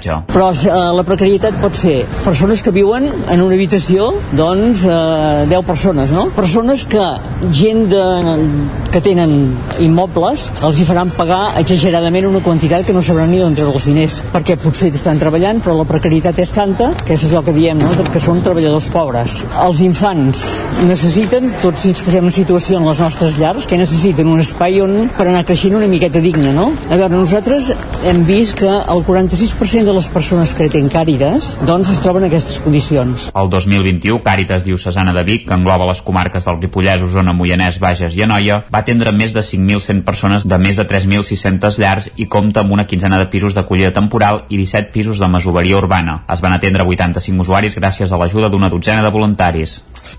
Gràcies, Isaac. Més qüestions. La comunitat equatoriana d'Osona ha patit un nou atac al camp de Vic, on juguen a vòlei, Sergi. Després que la Guàrdia Urbana enxampés fa poc més de 15 dies dues persones provocant i destrosses, la setmana passada els van serrar les, les barres de ferro que aguantaven a xarxes, els van emportar dues carpes i els van encendre un pneumàtic i un palet de fusta. A més, en un dels bancs de pedra hi van aparèixer novament una esbàstica de color vermell. Fons de la Guàrdia Urbana asseguren, per la seva banda, que darrere dels atacs hi ha una de les persones que van enxampar Fraganti a mig octubre. Es tracta d'un veí de Vic contra el qual ja hi ha obertes diligències per un delicte d'odi i un en contra de la seguretat ciutadana. Tot i el degoteig de destrosses, també apunten que els símbols nazis i els atacs vandàlics no s'han d'atribuir a un grup racista organitzat, sinó a una única persona. El portaveu de Junts a l'Ajuntament de Tradell, Santi Estregués, repetirà com a cap de llista les eleccions municipals del proper mes de maig. L'actual cap de l'oposició assegura que en aquests eh, gairebé 4 anys no ha deixat de treballar per mantenir viu el seu projecte. En el seu equip hi figuraran cares noves, tot i que la idea d'Estragués és mantenir part de l'equip actual. I de Taradell anem cap al Moianès perquè la cancel·leria Cal Maties de Moià rep el Premi Nacional a l'Establiment Comercial Centenari. Caral Campàs, zona codinenca. Concretament, el negoci ja ha complert els 171 anys i a les portes de la jubilació de la sisena generació de carnissers van iniciar els tràmits per rebre aquest reconeixement. Ana Maria Antúnez és una de les propietàries del negoci pues has de presentar tot, tota la història, fotografies de la Generalitat i a partir d'aquí eh, et, et reconeixen o no et reconeixen i ens van reconèixer mm. i ara eh, a mi em va fer gràcia perquè a mi no em falta molt per jubilar-me i em va fer gràcia demanar el tip per fer els 170 anys. Cal Matías va ser fundat el 1851 pels Antúnez, una família portuguesa establerta a Mollà i que es dedicava al negoci de la pell. Arran d'aquest primer comerç van obrir la carnisseria per tal d'aprofitar també la carn del bestiar. La setena generació ja treballa a la botiga i continuarà el negoci familiar. Tinc els meus dos fills, la meva filla té 33 anys i està eh, amb mi ja fa 13 anys i en principi té ganes de continuar, sí, sí. El que passa mm. que és, és durillo, eh? A més, el Moianès també ha rebut el guardó de negoci centenari la botiga de cafè Casa Centenària Sol de Vila de Calders. I ara que passen 10 minuts del punt de les 10, eh, obrim pàgina cultural per explicar-vos explicar que Granollers acollirà l'onzena edició del Festival Fantàstic, el Festival de Cinema Fantàstic i de Terror. Pol Grau, Ràdio Televisió, Cardedeu. Del 17 al 19 de novembre, el Cinema Edison de Granollers celebrarà l'onzena edició del Festival Fantàstic amb el lema I vull creure, on projectaran 5 llargmetratges i 17 curts. La programació d'aquest any la formen títols que han estat presents en els grans festivals com el Festival de Sitges o Festival de Sant Sebastián, com la pel·lícula de Paul Urquijo anomenada Irati, ambientada al País Basc durant l'edat mitjana, o l'última pel·lícula de Carlos Bermud, titulada Mantícora. També es projectarà la pel·lícula coreana Project Wolf Hunting, que s'està projectant en diversos festivals. A més, també hi haurà dos llargmetratges d'animació. El primer per a un públic més infantil, amb la llegenda del llibre segellat, i la segona més atrevida per a un públic més adult, l'última obra d'Alberto Vázquez, Unicorn Wars, també projectada al Festival de Sitges. A banda dels llargmetratges, també s'han seleccionat 17 curs de les 500 propostes rebudes pels Premis Fantàstic MAC, la secció competitiva del festival que s'organitza conjuntament amb el Mercat Audiovisual de Catalunya. Es donaran dos premis, el Premi del Públic i el Premi del Jurat Oficial, que aquest any està format per Clàudia Fernández, editora del Cineàsia, David Casadamunt, director del Paramo, Hugo Cubo, director de Fanboy i Sabina Pujol, programadora del Festival Barretina. Hem repassat les notícies del Territori 17 amb Sergi Vives, Isaac Muntades, Caral Campàs i Pol Grau. Repassada l'actualitat, és moment de conèixer la previsió del temps. Casa Terradellos us ofereix el temps. I el Territori 17 parlar del temps és sinònim de parlar de Pep Acosta. Tornem a una codinenca. Pep, bon dia. Quin temps ens espera avui? Molt bon dia. I aquesta nit també ha estat força tranquil·la, freda, gairebé cap núvol, només algun núvol prim, molt poca cosa, i les temperatures han estat molt semblants a l'última nit. Novament, alguna glaçada cap al Pirineu, però la majoria de temperatures mínimes entre el 0 i els 5 graus. Serà un dia avui també molt tranquil, només a la tarda un increment de núvols provocat per un front atlàntic, però que es troba lluny de casa nostra i que no ens deixarà gaire més conseqüències que aquests quatre núvols d'aquesta tarda. Les temperatures màximes també molt semblants a les d'ahir, la majoria de màximes entre el 17 i els 22 graus poder un valor de 23 eh, però ja serà molt, molt poc habitual aquests números de 23 graus eh, a les nostres poblacions la majoria com deia entre els 18 i els 22 eh, graus eh, vents poc destacables també, situació molt encalmada tenim una mica de falca anticiclònica que fa que les temperatures eh, hi siguin bastant normals per l'època de l'any fa que no hi hagi precipitacions i fa que tinguem un temps força, força estable. Almenys aquest temps tan estable durarà dos o tres dies. Eh, sembla ser que a partir de dijous i divendres es pot animar una mica el temps, aviam si és veritat, i comencen a arribar les precipitacions i podem pal·liar una mica aquesta enorme sequera que tenim a casa nostra. I això és tot. A disfrutar el temps, a disfrutar d'aquest dilluns i de tota la setmana. Adeu, molt bon dia. Important sempre anar amb la previsió de disfrutar. Gràcies, Pep, bon dilluns. Casa Tarradellas us ha ofert aquest espai. Territori 17. Envia'ns les teves notes de veu per WhatsApp al 646 079 023. 646 079 023. WhatsApp Territori 17.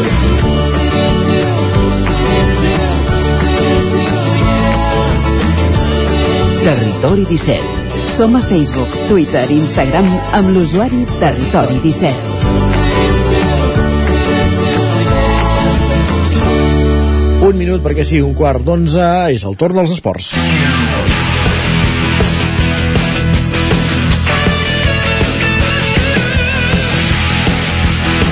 Bé, és moment de repassar com ha anat la jornada del cap de setmana amb aquest titular destacat que ja anunciàvem només començar el programa, aquesta medalla d'or en la modalitat de xou petits del Club Patinatge Artístic Tona. En parlarem més tard amb l'Ester Rovira, però abans fem un recorregut per les diferents redaccions del Territori 17 per conèixer com ha anat això, esportivament parlant, aquest cap de setmana també, per exemple, a l'entorn de Ràdio Televisió Cardedeu. Pol Grau, benvinguts, bon dia.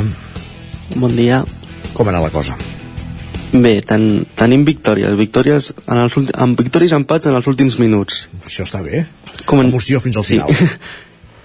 Comencem amb segona catalana, el primer equip, el Cardedeu, on va guanyar el Juventus Lloret per dos gols a un. Uh -huh. Gràcies a aquesta victòria manté la segona posició i amb la, amb la derrota de l'Argentona, que va primer, es col·loca només a dos punts. Amb el filial del Cardedeu tenim aquí un partit boig, sí. que va jugar contra el Vilamajor, on es va adelantar, es va adelantar el Vilamajor el va remuntar amb 2 a 1 després el Cardedeu es va posar 2 a 4 el, el Vilamajor va marcar el 3 a 4 i en els últims dos minuts, el 88 i el 89 el Vilamajor va fer el 5 a 4 o sigui, derrota en els últims minuts que va sentar malament però està, eh, aquests partits disputats, home, això sí que evidentment sí, quan, això, això és un partit quan arribes al final i acabes perdent 4, però... sí, sí, exacte. Que et remuntin a un 2 a 4 a un 5 a 4 fa mal també. Fa mal, sí, sí. Passem al Llinàs que sí que va guanyar contra el Santa Eulàlia de Ronçana per 0 gols a 3 on el Llinàs es col·loca en segona posició a només a dos punts del Martoriès que va primer amb 19 i també el Granollers contra el Parets va empatar per la mínima on es va adelantar per un gol a 0 el Parets va remuntar un gol 1 a 2 i en el 89 el Granollers va, va aconseguir empatar per al 2 a 2 molt bé. I passem al bàsquet, a la Lliga EVA, sí? on el Granollers sí que va guanyar per 81 a 68 contra Anagan el Olivar. Uh -huh. I a la, al bàsquet, el Llinàs eh, segueix sense conèixer la victòria, on va perdre contra el Parets per 61 a 48, i passem a canviar amb el Granollers, el Balonmano, a la Lliga Sobal, on també, coneix la, on també va guanyar contra el Revi Balonmano Cuenca per 27 a 24. Perfectíssim, gràcies Pol, parlem més tard a la tertúlia. Més tard, Fins ara. Continuem aquest recorregut per les emissores del territori 17, és moment d'anar fins a una codinenca, ja ens hi espera la Caral Campàs. Caral, bon dia. Bon dia, doncs començo pel futbol.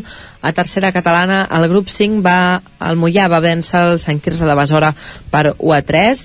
Uh, qui també va sortir vencedor aquest cap de setmana va ser el Sant Feliu de Codines, que va sumar 3 punts en guanyar el Roda de Ter per uh, 0 a 3. Mollà i Sant Feliu de Codines són dos equips que segueixen una setmana més frec a frec a la classificació, empatats a la segona posició amb 19 punts. I per acabar aquest grup 5 de tercera tenim el Vigues, que no li va anar tan bé, va ser derrotat pel Santa Eugènia en un partit que va acabar per 2-0. Els del Vallès es mantenen cuers, havent sumat només un punt des de l'inici de la competició. I encara tercera, però el grup 7, el Caldés va ser derrotat pel Navarcles en un maig que va acabar per 2 a 0. El Caldés, però, es manté a la part mitja de la classificació. I me'n vaig a l'hoquei. El Sant Feliu de Codines disputava la tercera jornada de l'hoquei Lliga Plata Sur contra el Massanet i els codinencs van sortir victoriosos d'aquest partit que va acabar per 6-3. Mentrestant, el Vigas femení i el Caldes disputaven la Frit Ràbic Lliga Catalana. Els calderins disputaven el grup 3 contra el Finques Prats Lleida en un partit que va acabar per 5 a 1, quedant així fora de la competició. Mentrestant, les noies del Vigas s'enfrontaven a l'Igualada i tot i que també van ser derrotades, van obtenir un bitllet per la fase final en situar-se com a millors segones classificades dels tres grups de la competició. Això els hi servirà per jugar la semifinal final dissabte que ve contra el Sant Cugat a Santa Perpètua de la Moguda. Perfecte, gràcies Caral. Continuem aquest recorregut, anem fins a la veu de Sant Joan, allà ens espera l'Isaac Muntades. Bon dia, Isaac. Bon dia. Bon dia. Com ha anat el cap de setmana, esportivament parlant? Ha anat bastant bé, només tenim una, una derrota i, i déu nhi un parell de derrotes, perdó, sobretot en el, en el futbol, però en la resta doncs, hi, ha, hi ha victòries importants. Uh, si us sembla, comencem el repàs parlant de futbol anant al grup 18 de la tercera catalana, on aquí hem de dir que la, on, exacte, on aquí hem de dir que la Badesenc ja és líder de la categoria amb 17 punts, després de golejar el Sarrià de Ter per 3 a 5 a domicili en una gran primera part en què ja havia sentenciat el maig amb un 0 a 4 gràcies a un triplet de Gómez i a una diana de Dani a la segona part Alejo va fer dos gols per posar el 2 a 4 i Dani va fer el seu doblet per posar tranquil·litat al marcador. Abans del gol definitiu de Jordi doncs que no va servir de res perquè la Badesenc com us deia va aconseguir mantenir les distàncies i, i, i és líder de, de la categoria. Aquí tenim uh, els dos fiascos del cap de setmana per dir-ho d'alguna manera.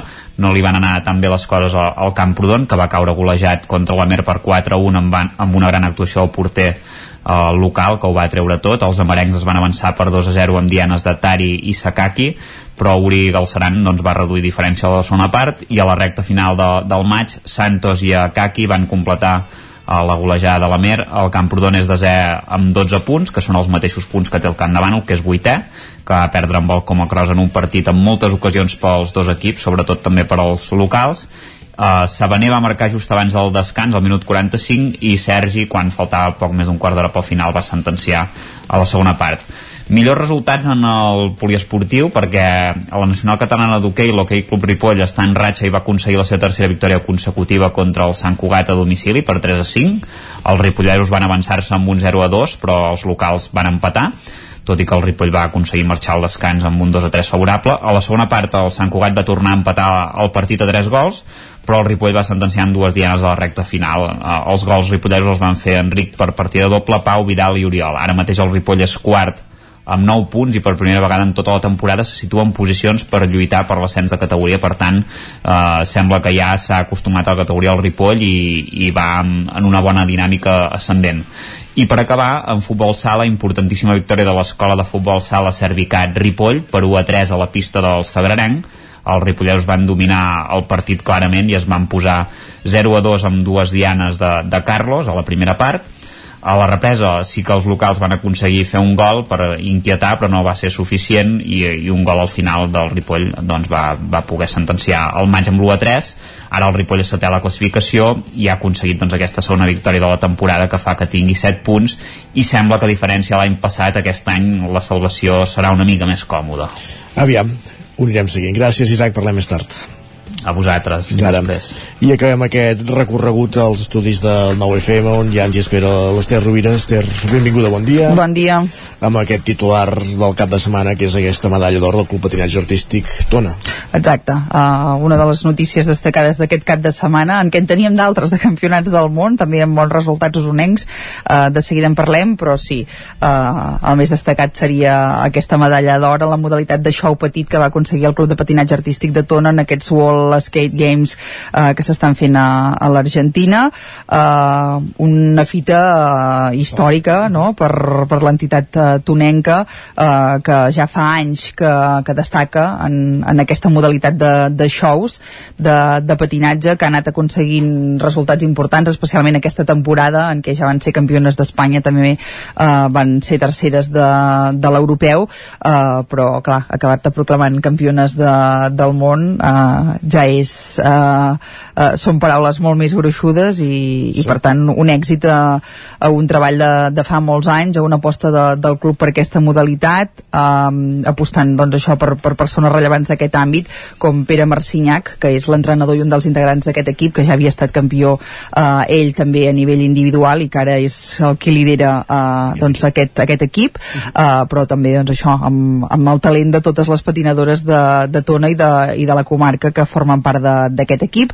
Uh, un èxit als World Skate Games, que hem de dir que no és uh, l'únic. Uh, L'altre conjunt del Tona, uh, aquesta matinada també ha competit, ha estat setè en la modalitat de shows grans.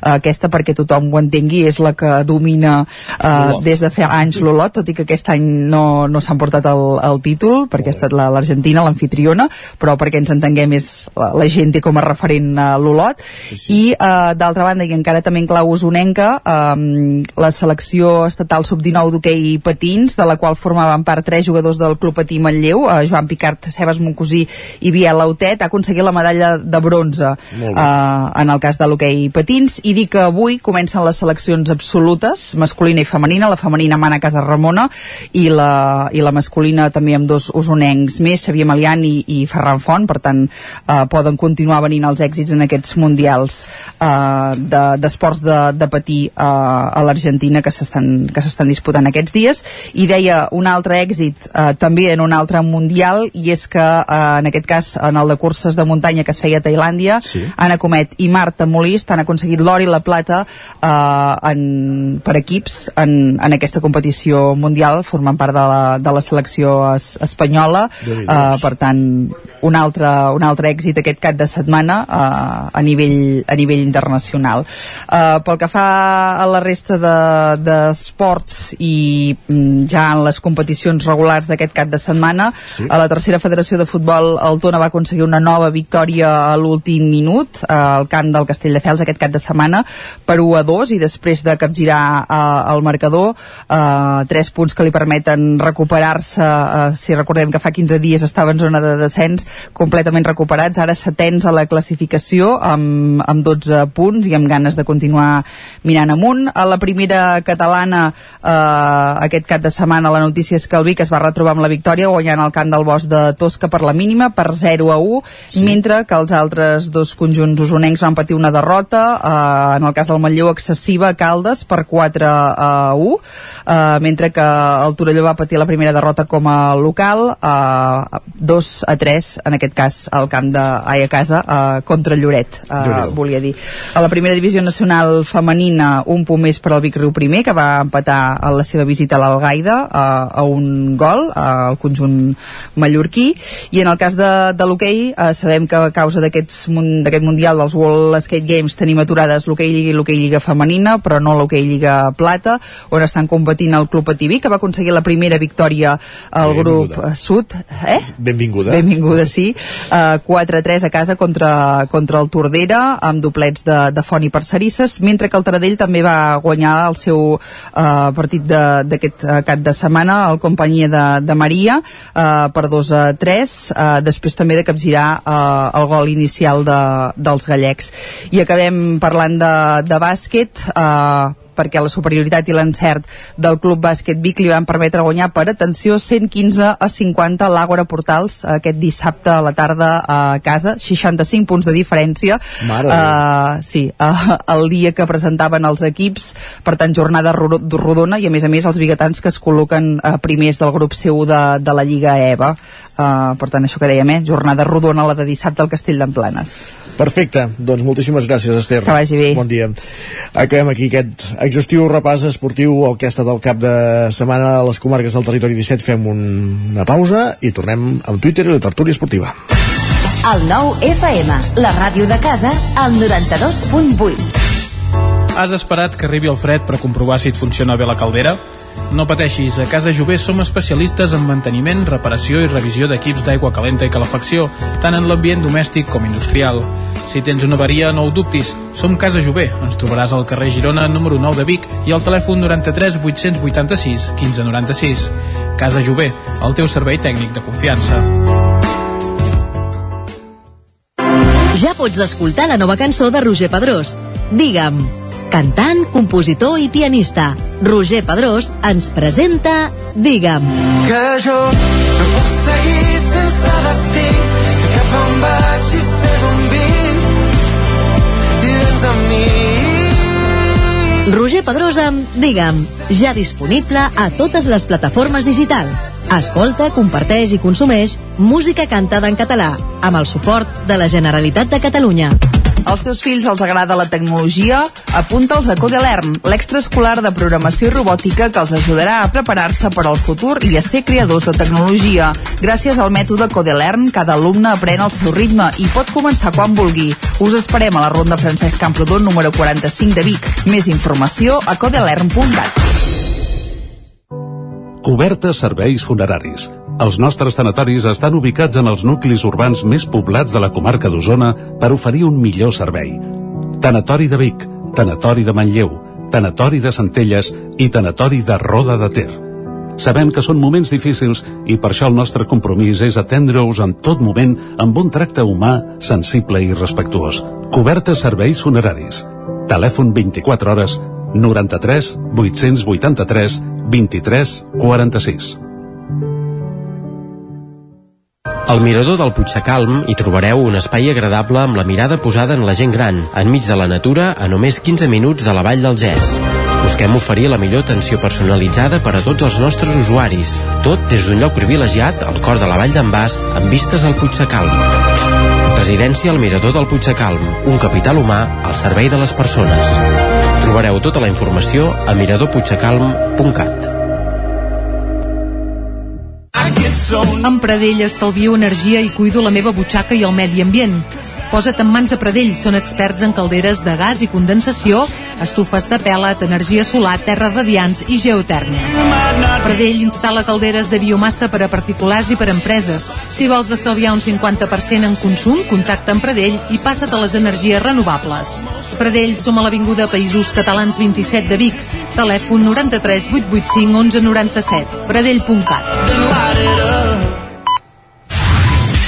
El nou FM. En punt ara mateix al territori 17, dos quarts d'onze.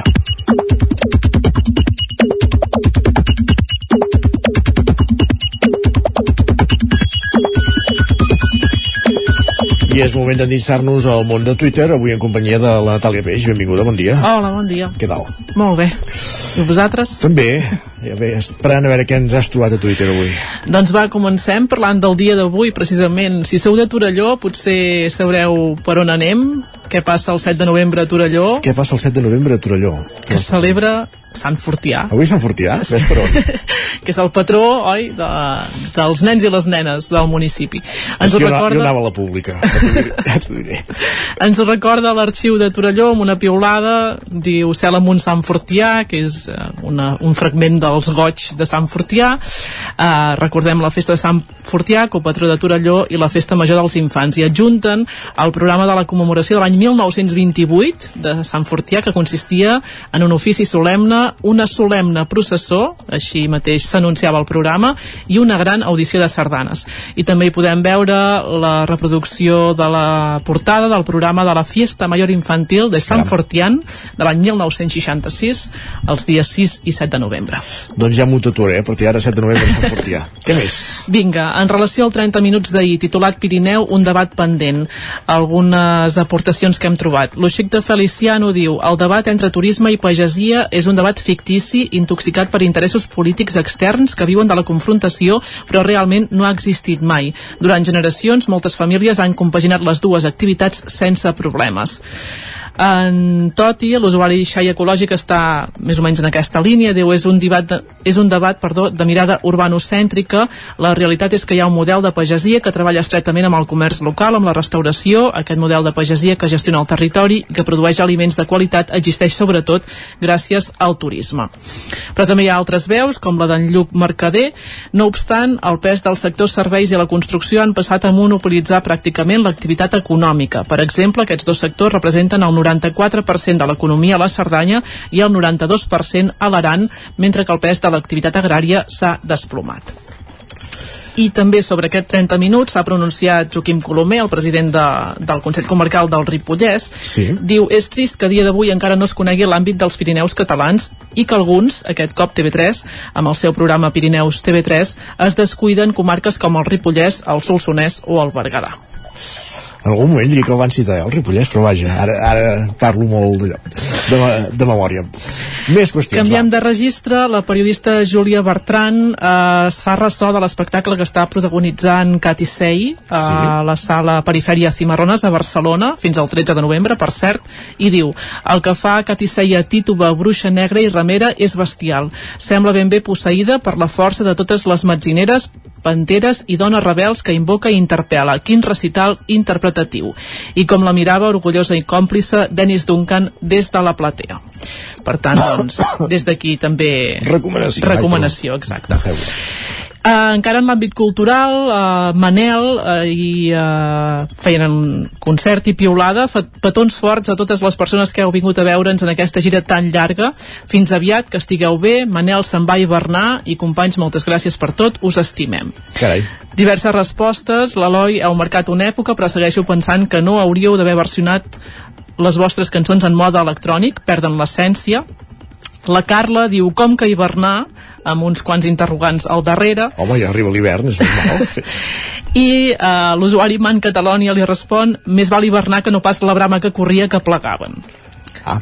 Tenim aquí el debat obert i l'Isma s'hi afegeix no en aquest fil, sinó eh, per lliure, diguem, sí. eh, en una altra banda, però també sobre, sobre aquesta piolada de Manel, que diu dilluns de merda, però una mica menys, perquè la possibilitat que els Manel pleguin sempre és una bona notícia per la classe treballadora catalana. Carai, per tant, no li agraden, eh? una mica opinions per a tots els gustos. Perfecte. Un aniversari a Twitter, el de la policia local de Tona. Avui celebrem que portem 10 anys en aquesta xarxa social. Seguirem treballant per millorar cada dia. Moltes gràcies a tothom pel suport rebut durant aquests anys. Felicitats. Exacte. I acabem amb l'Anna Pont i una proposta a la que potser ens podríem apuntar Ja, tranquil·lament. Va. Diu, jo el que vull és ser a París fent una xocolata calenta a una cafeteria mentre escolto la Via en Ros i assenyalo a un plànol la ubicació dels edificis i exposicions que vull visitar. No deu ser demanar tant. No, no, no, ja ens ho apuntem també. Fem la carta als Reis, va. doncs vinga. Gràcies, Natàlia. Que vagi bé. Bon dia. Adéu.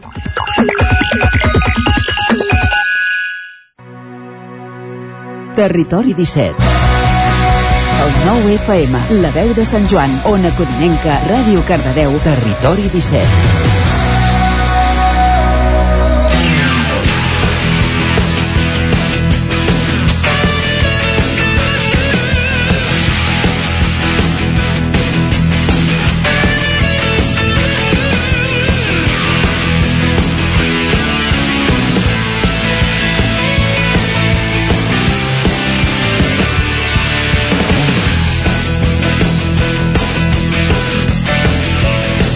És dilluns, passen 5, gairebé 6 minuts a dos quarts d'onze i és moment de tertúlia esportiva al territori 17.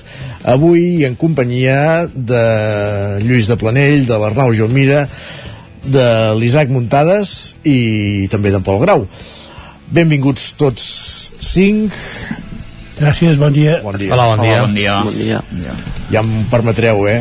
Uh, pericos, gironins i, i madrilenys, però avui suposo que deu tocar parlar de Gerard Piqué, no? I què ha passat? Ah, no ho sé. No te n'has entrat, encara? Què canta- Arriba, què- arriben què tard les notícies de Què Cornellà. cantareu ara, Cornellà? Sense ell. El dissabte, deixeu-me explicar una història personal. Explica, explica. Però el dissabte vaig anar a una festa perica, sí. aquí al Prat Verd de Malla, i eh, entre altres eh, eh, pe- persones hi havia, per exemple, Jordi Turull, penso que és el secretari general de, de Junts per Catalunya, de Junts per Catalunya i en Joan Collet, que va ser un dels protagonistes de la festa, perquè li van donar el premi, el cinquè premi Perico al Mogàver, que es, es dona cada any aquí al Prat Verd, i en, en Collet el, va començar el seu discurs d'agraïment pel premi dient eh, vosaltres no teniu cap mena de sensibilitat eh, sabeu que ha passat una cosa molt gran que les ràdios i les televisions han canviat la programació eh, per, per aquest fet Alguna ha sortit escaldat també. sí. se'ns ha jubilat eh, l'hereu de Catalunya i vosaltres continueu fent festa eh, allà vosaltres, vosaltres mateixos vull dir que, que aquest fet de, demostra que per part de Perica hi ha molt interès en que eh, un jugador s'hagi retirat després de cobrar eh, no, no sé quants centenars de milions i, i de fer-se eh, multimilionari jugant a futbol com tants altres. Com tants altres, correcte, és que no crec que sigui l'únic. Sí, com tants altres del Barça, sí. Eh, no, i de, i de, l'Espanyol també, em sembla, eh? O, no, o no en tindries... No, no, gaire, no, gaire, no, no en tindries prou amb els calés que ha cobrat algun jugador espanyol? Ah, no, això sí. Ah, no, això sí. No, no. Jo en tindria prou amb els que cobra el, el massatgista. Eh, però, però bueno, de totes maneres vull dir que eh, és, és la parafernàlia dels mitjans de comunicació que hi doneu més importància de la que tenen les coses i el vídeo aquest egocèntric que va presentar en Piqué que no, no, només sortia ell, gran, petit i mitjà no, no, havia, sortia... havia de parlar d'algú altre. Si es retirava ell havia de parlar de sí, però qui havia de sortir. un agraïment als seus companys o un agraïment als entrenadors un agraïment, això mm... I, ja hi surten els seus entrenadors eh, Lluís? no sé si t'hi vas fixar. Sí, sí, sí, hi ha d'això que, que no és l'actual exacte precisament sí, per, perquè l'acariciava amb ell precisament i per això hi surt exacte eh, en Koeman, però els altres, els altres res, en Guardiola no hi és en Xavi tampoc en, en l'Iniesta ni apareix vull dir, Messi tampoc exacte, vull dir que no, només eh, Piqué, Piqué, Piqué, Piqué i no sé l'hereu de Catalunya li va dir eh, eh, Collet, dius? Per què, sí, sí. La, per què l'hereu de Catalunya? Bueno, és clar, això l'haurien de, de preguntar en Collet, però bé, és, és una manera de demostrar que, que després d'en Piqué ja no hi ha res. Arnau, estàs a minoria avui, eh? Sí, avui estic en minoria, tu. Però, no, ja jo crec que és indiscutible eh, que Gerard Piqué és un dels eh, defenses per excel·lència de, del futbol espanyol eh, de la Lliga Espanyola. Eh, també per, per, per, evidentment per, pel paper que també té amb la selecció espanyola i que ha tingut el Mundial que es va, que es va guanyar i evidentment és un tancament d'etapa no del tot perquè encara queda Busquets però és el penúltim reducte que queda de, del millor Barça de, de, de la història recent. I bueno, sí, podem, podem estar jo en part estic d'acord eh, que l'amplificació que ha tingut la notícia és a l'alçada de, de, de, de, de catàstrofes eh, però mm, bueno, no deixo de pensar no deixo de, de sorprendre'm que un jugador de l'envergadura de, de Piqué plegui així d'un dia per l'altre perquè ho anuncia dijous i ja diu que, que el partit del cap de setmana és el seu, el seu últim al Camp Nou veurem si demà té minuts a, a Pamplona però mm, ja està, no? que és un pim-pam que això, no sí, això sí que és més inaudit no? en el sentit de dir, hi ha molts jugadors que ara dirà que eh, aquestes, aquestes, dades, aquestes dates diran aquesta és la meva última temporada i per tant al juny tindrem tots assumit que, que pleguen ell ho fa d'un pam, pim-pam no? d'un dia aquí, per l'altre aquí, aquí hi ha dues coses, un que renuncia a part de, sí. del sou que havia de cobrar mm. això per les arques del club va bé però l'altra és la, uh, la implicació no? el fet de dir marxo a mitja temporada eh, ah, és, que... és, una, és una cosa que, que, que s'ha criticat i que de fet eh, com a mínim s'ha de comentar. És que ell va fer, ell va fer declaracions en alguna entrevista a principi d'aquest curs que se li va demanar si encara es veia, es veia capaç i ell va dir que ell mentre es sentís útil seguiria a, a, a Can Barça porta un inici de temporada en què doncs, eh, entre lesions i que no se li ha donat la confiança per part de, de, de l'entrenador s'ha vist que, no, que ja no és útil. Doncs el primer que ha fet és, és marxar. Ell ho va dir en el seu moment, jo crec que en aquest sentit és honest.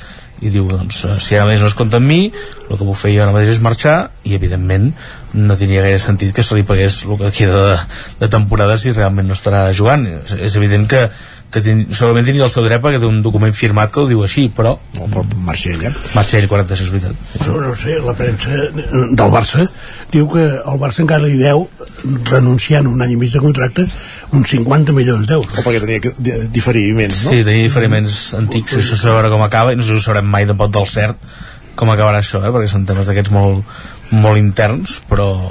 La manera que està el Barça cobrarà la, la jubilació d'aquesta manera. Podria ser. Isaac.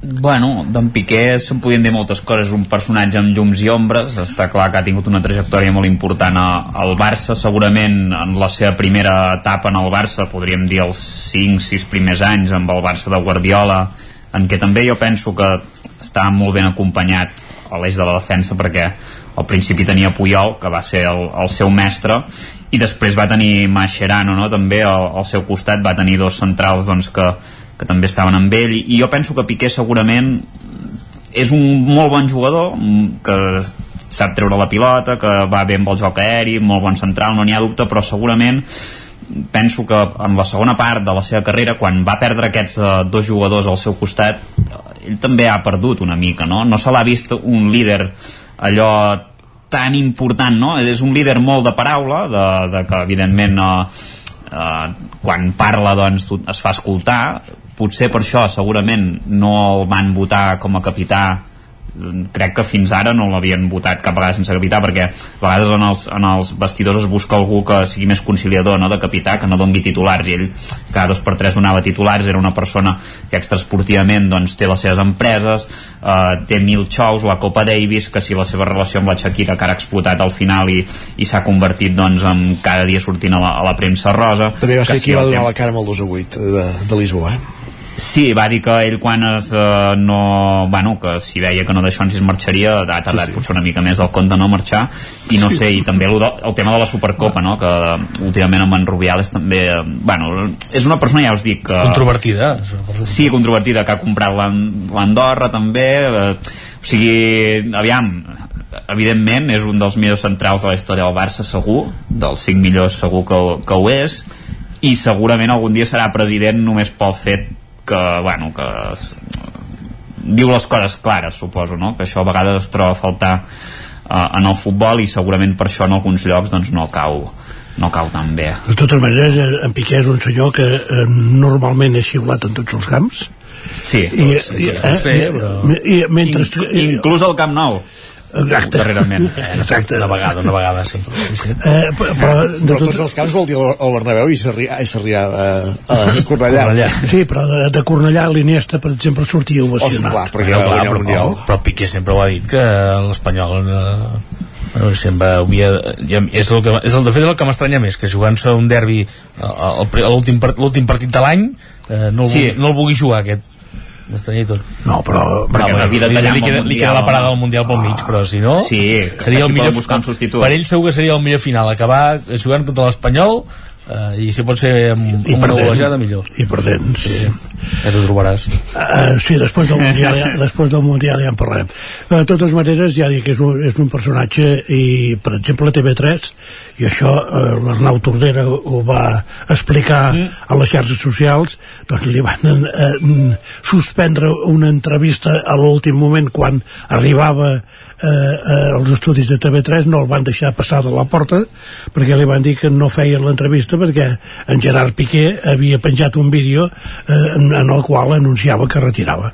I llavors, esclar, en, l'Arnau Tordera es va justificar millor dit, en, en primer va protestar i de, després va admetre les, les disculpes de, de, de TV3 però em sembla eh, bastant lamentable que per una circumstància d'aquestes doncs, es suspengui una entrevista on es parlaven, part de l'Arnau, un parell de personatges que havien eh, gravat una obra, una, una òpera concretament al, al Gran Teatre del Liceu. I, i estic d'acord, eh, però deixem fer d'advocat del diable vull dir, en aquell moment era la notícia d'última hora que va de penjar feia escassos eh, 10 minuts o 15 minuts i era el moment de recollir les reaccions no? si hi havia un moment, sigui, es, puc discutir després especials de 3-4 hores que potser no són, no són necessaris i menys en una televisió pública que té un canal dedicat eh, explícitament a esports però eh, jo crec que en aquell moment s'havia de reaccionar, no sé si, era, si potser es podia fer un flash més curt i donar pas Sí. a aquesta entrevista però que, que era la notícia del moment i que, si, i que hi havien de fer referència jo crec que és evident Pol, que no l'hem sentit avui, eh? Què, què era dir del Piqué, no sé. Ah, val, entesos. ara ja, vull dir, ara ja se'n pot anar amb l'Ibar i a fer les seves coses i obre l'Andorra. Molt bé. I que Doncs va. torni al Barça quan, quan vulgui ser president, Sí? que segur que, la, que el reben. Veurem, això com evoluciona. Uh, més enllà de Gerard Piqué, que ha ocupat bona part d'aquest inici de, de tertúlia, uh, que s'acomiadava dissabte de, del Camp Nou en aquest 2 a 0 davant de, de l'Almeria, uh, al final 3 punts al sac, que era l'important, no Arnau? Sí, no, no, bueno, més amb Piqué titular, eh, com deies abans, i fent un bon partit, jo penso que va ser un bon partit en general de, del Barça, que va tenir... És Almeria... Sí, clar, però, però, però noi, eh, a la primera part eh, també van, van, que van, que van jugar bé però van entrar i després a la segona van, van saber rematar, és evident que el rival no, és, no era de màxima exigència ni molt menys però eh, eren tres punts que s'havien de guanyar una alineació eh, una altra copa atípica Xavi està, no, no té cap alineació tipus, jo crec que ara més és complicat d'encertar de, de, de ben bé els 11 perquè sempre hi ha alguna variació que va, que va fent eh, Xavi i bé, un partit d'això estrany perquè de fet si, si Lewandowski encarrila el partit eh, amb aquell penal tant d'hora al minut 8 eh, la cosa hagués, hagués sigut molt més plàcida no? I Però Piqué no va voler xutar, eh?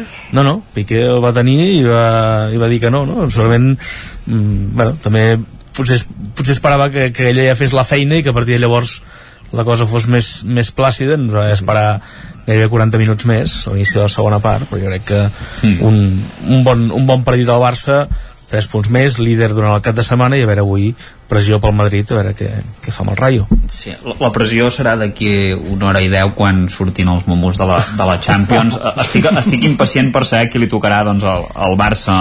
Ai no, perdó, que no.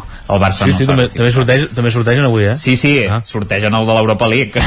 No, per la vostra competició Avui, no? I a la, i a la vostra competició. no? Mas, mas, sí, sí, sí, la trobar la Roma, eh? atenció, eh? Sí, sí, la Roma de Mourinho que ja el va eliminar en el seu dia. quin nivell de competició que hi hagi Mourinho entrenant també i l'Eintracht de Frankfurt un altre cop podria i l'Eintracht de Frankfurt esperem que no. No, l'Eintracht de Frankfurt es va classificar per la ah no, al final, no, no, sí, sí, sí, sí. Passar. tens raó. Vol dir que és un gran equip. Que alguns deien que, ostres, ja, bueno, ja veuràs la primera eliminatòria del Madrid. Oh, en... Bueno, al, al Madrid li poden tocar quasi bé tots els equips, em sembla que li poden tocar 7 dels 8 equips, que no sol passar mai perquè clar, normalment es classifiquen molts equips espanyols i llavors no, no poden tocar no? i al Madrid li poden tocar gairebé tots i hi havia un percentatge molt alt de que li toqués el Liverpool, em sembla com un 20% segons eh, les estadístiques i en canvi el que menys era un 11% al Bruges que és el que suposo que, que tots volem no? una mica pel Madrid que a més no està gaire fi al Bruges últimament. Què vols dir, tots volem pel Madrid? Home, tots els madridistes. Tots els, ah, tots els que són del Madrid. Voleu. Home, en, sí. Ferran, en Ferran Juclar jugaria motivat aquest partit, ja t'ho dic ara. Sí, però no estan gaire bé. El Bruges últimament porten uns quants partits eh, a la seva lliga, sobretot. Eh, bueno, i a la Champions també no han guanyat cap partit a la segona volta de, del que serien els, els tres primers partits que els van guanyar, després no n'han guanyat cap més i bueno, suposo que també els està passant factura tanta, jo amb el PSG em faria il·lusió que estigués una miqueta. Jo crec que no, no cal que toqui el PSG, no? Ja no, és molt avorrit, ja, ja el vam eliminar l'any passat, no cal que els tornem a humiliar. Sincerament, no.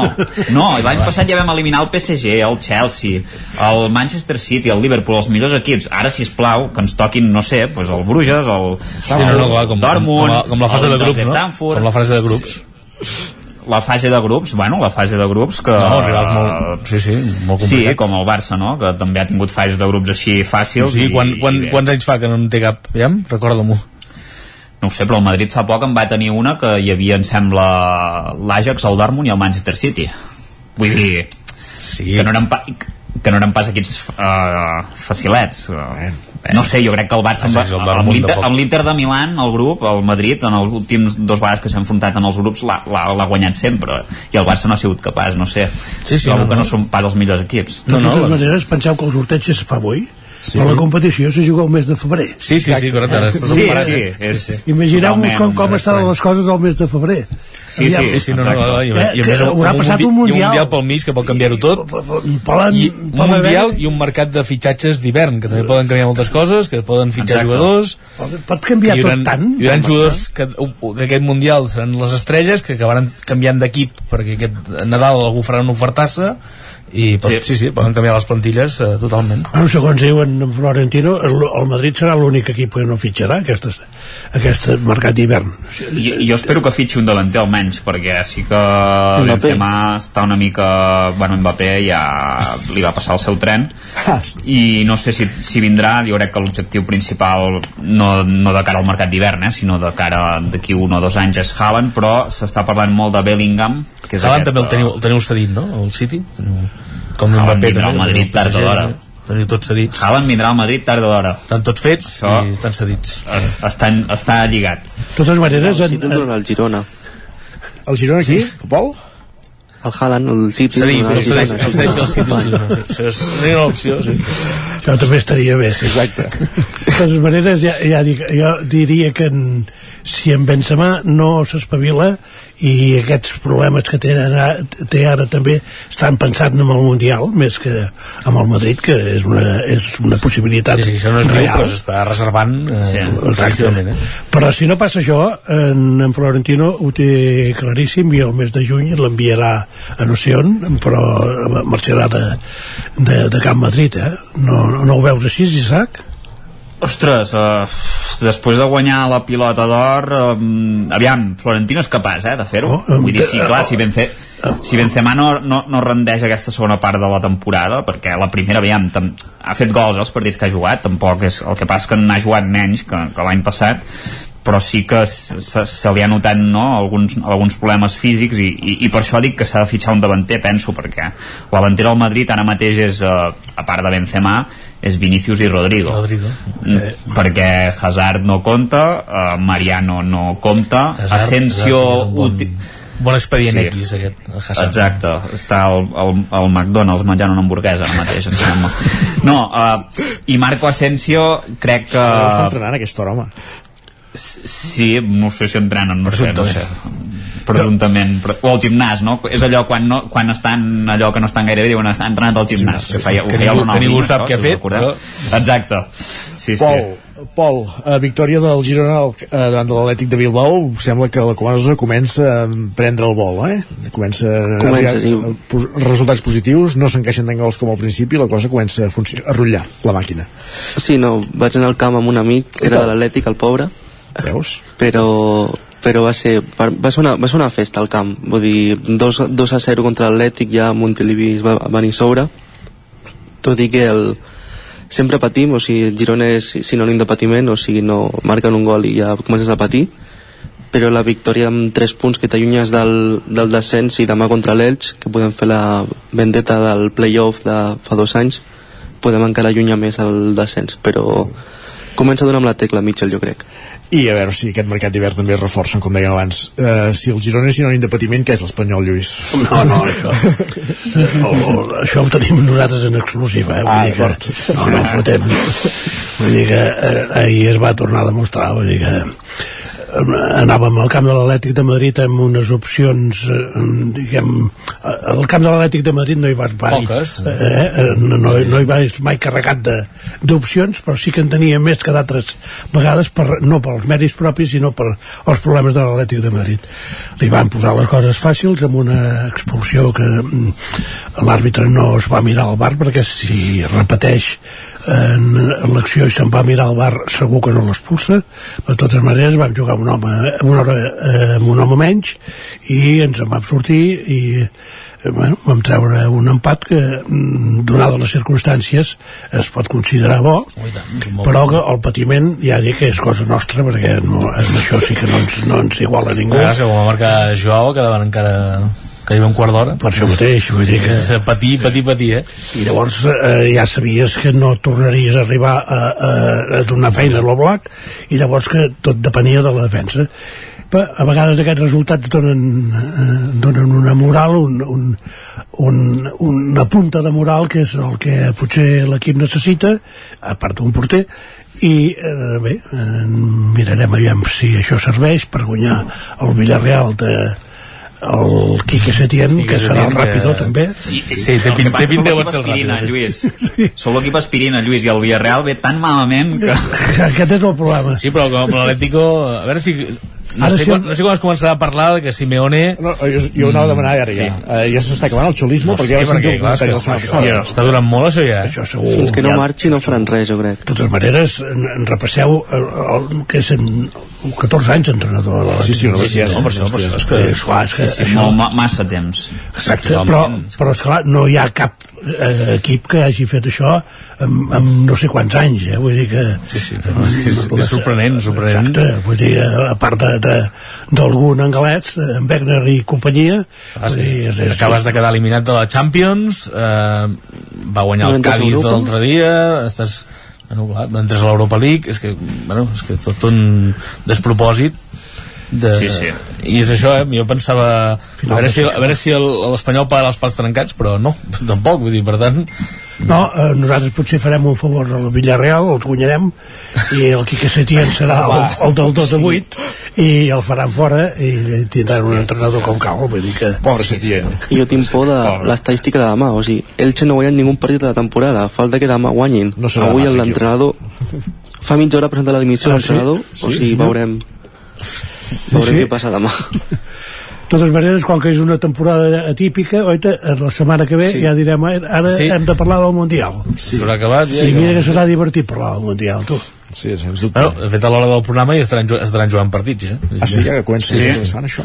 sí, sí. Sí, sí, estar, estarem pendents, estarem No, no, pendents. la setmana que ve encara no, eh? A partir del dia 20, no? Di, diria que comencem. De totes maneres, de- deixe, deixeu-me recordar una frase que de, acabo amb el que he començat, eh?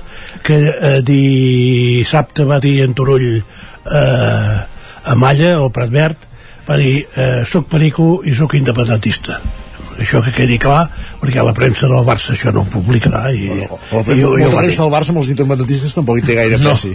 Però vaja, gràcies Lluís de Planell, Arnau Jamira i Isaac Muntades pel Grau. Fins la setmana vinent. Fins la setmana vinent. Bon dia. Fins la setmana vinent. Adéu. I acabem aquí el territori 17 d'avui dilluns, 7 de novembre de 2022. Hem arrencat a les 9 del matí, us hem acompanyat des d'aleshores Laura Serrat, Pepa Costa, Esther Rovira, Natàlia Peix, Caral Campàs, Isaac Muntades, Pol Grau, Lluís de Planell, Arnau Gelmira, Sergi Vives i Isaac Moreno. I tornem demà a la mateixa hora, que vagi molt bé fins aleshores, bon dilluns i gràcies per ser-hi.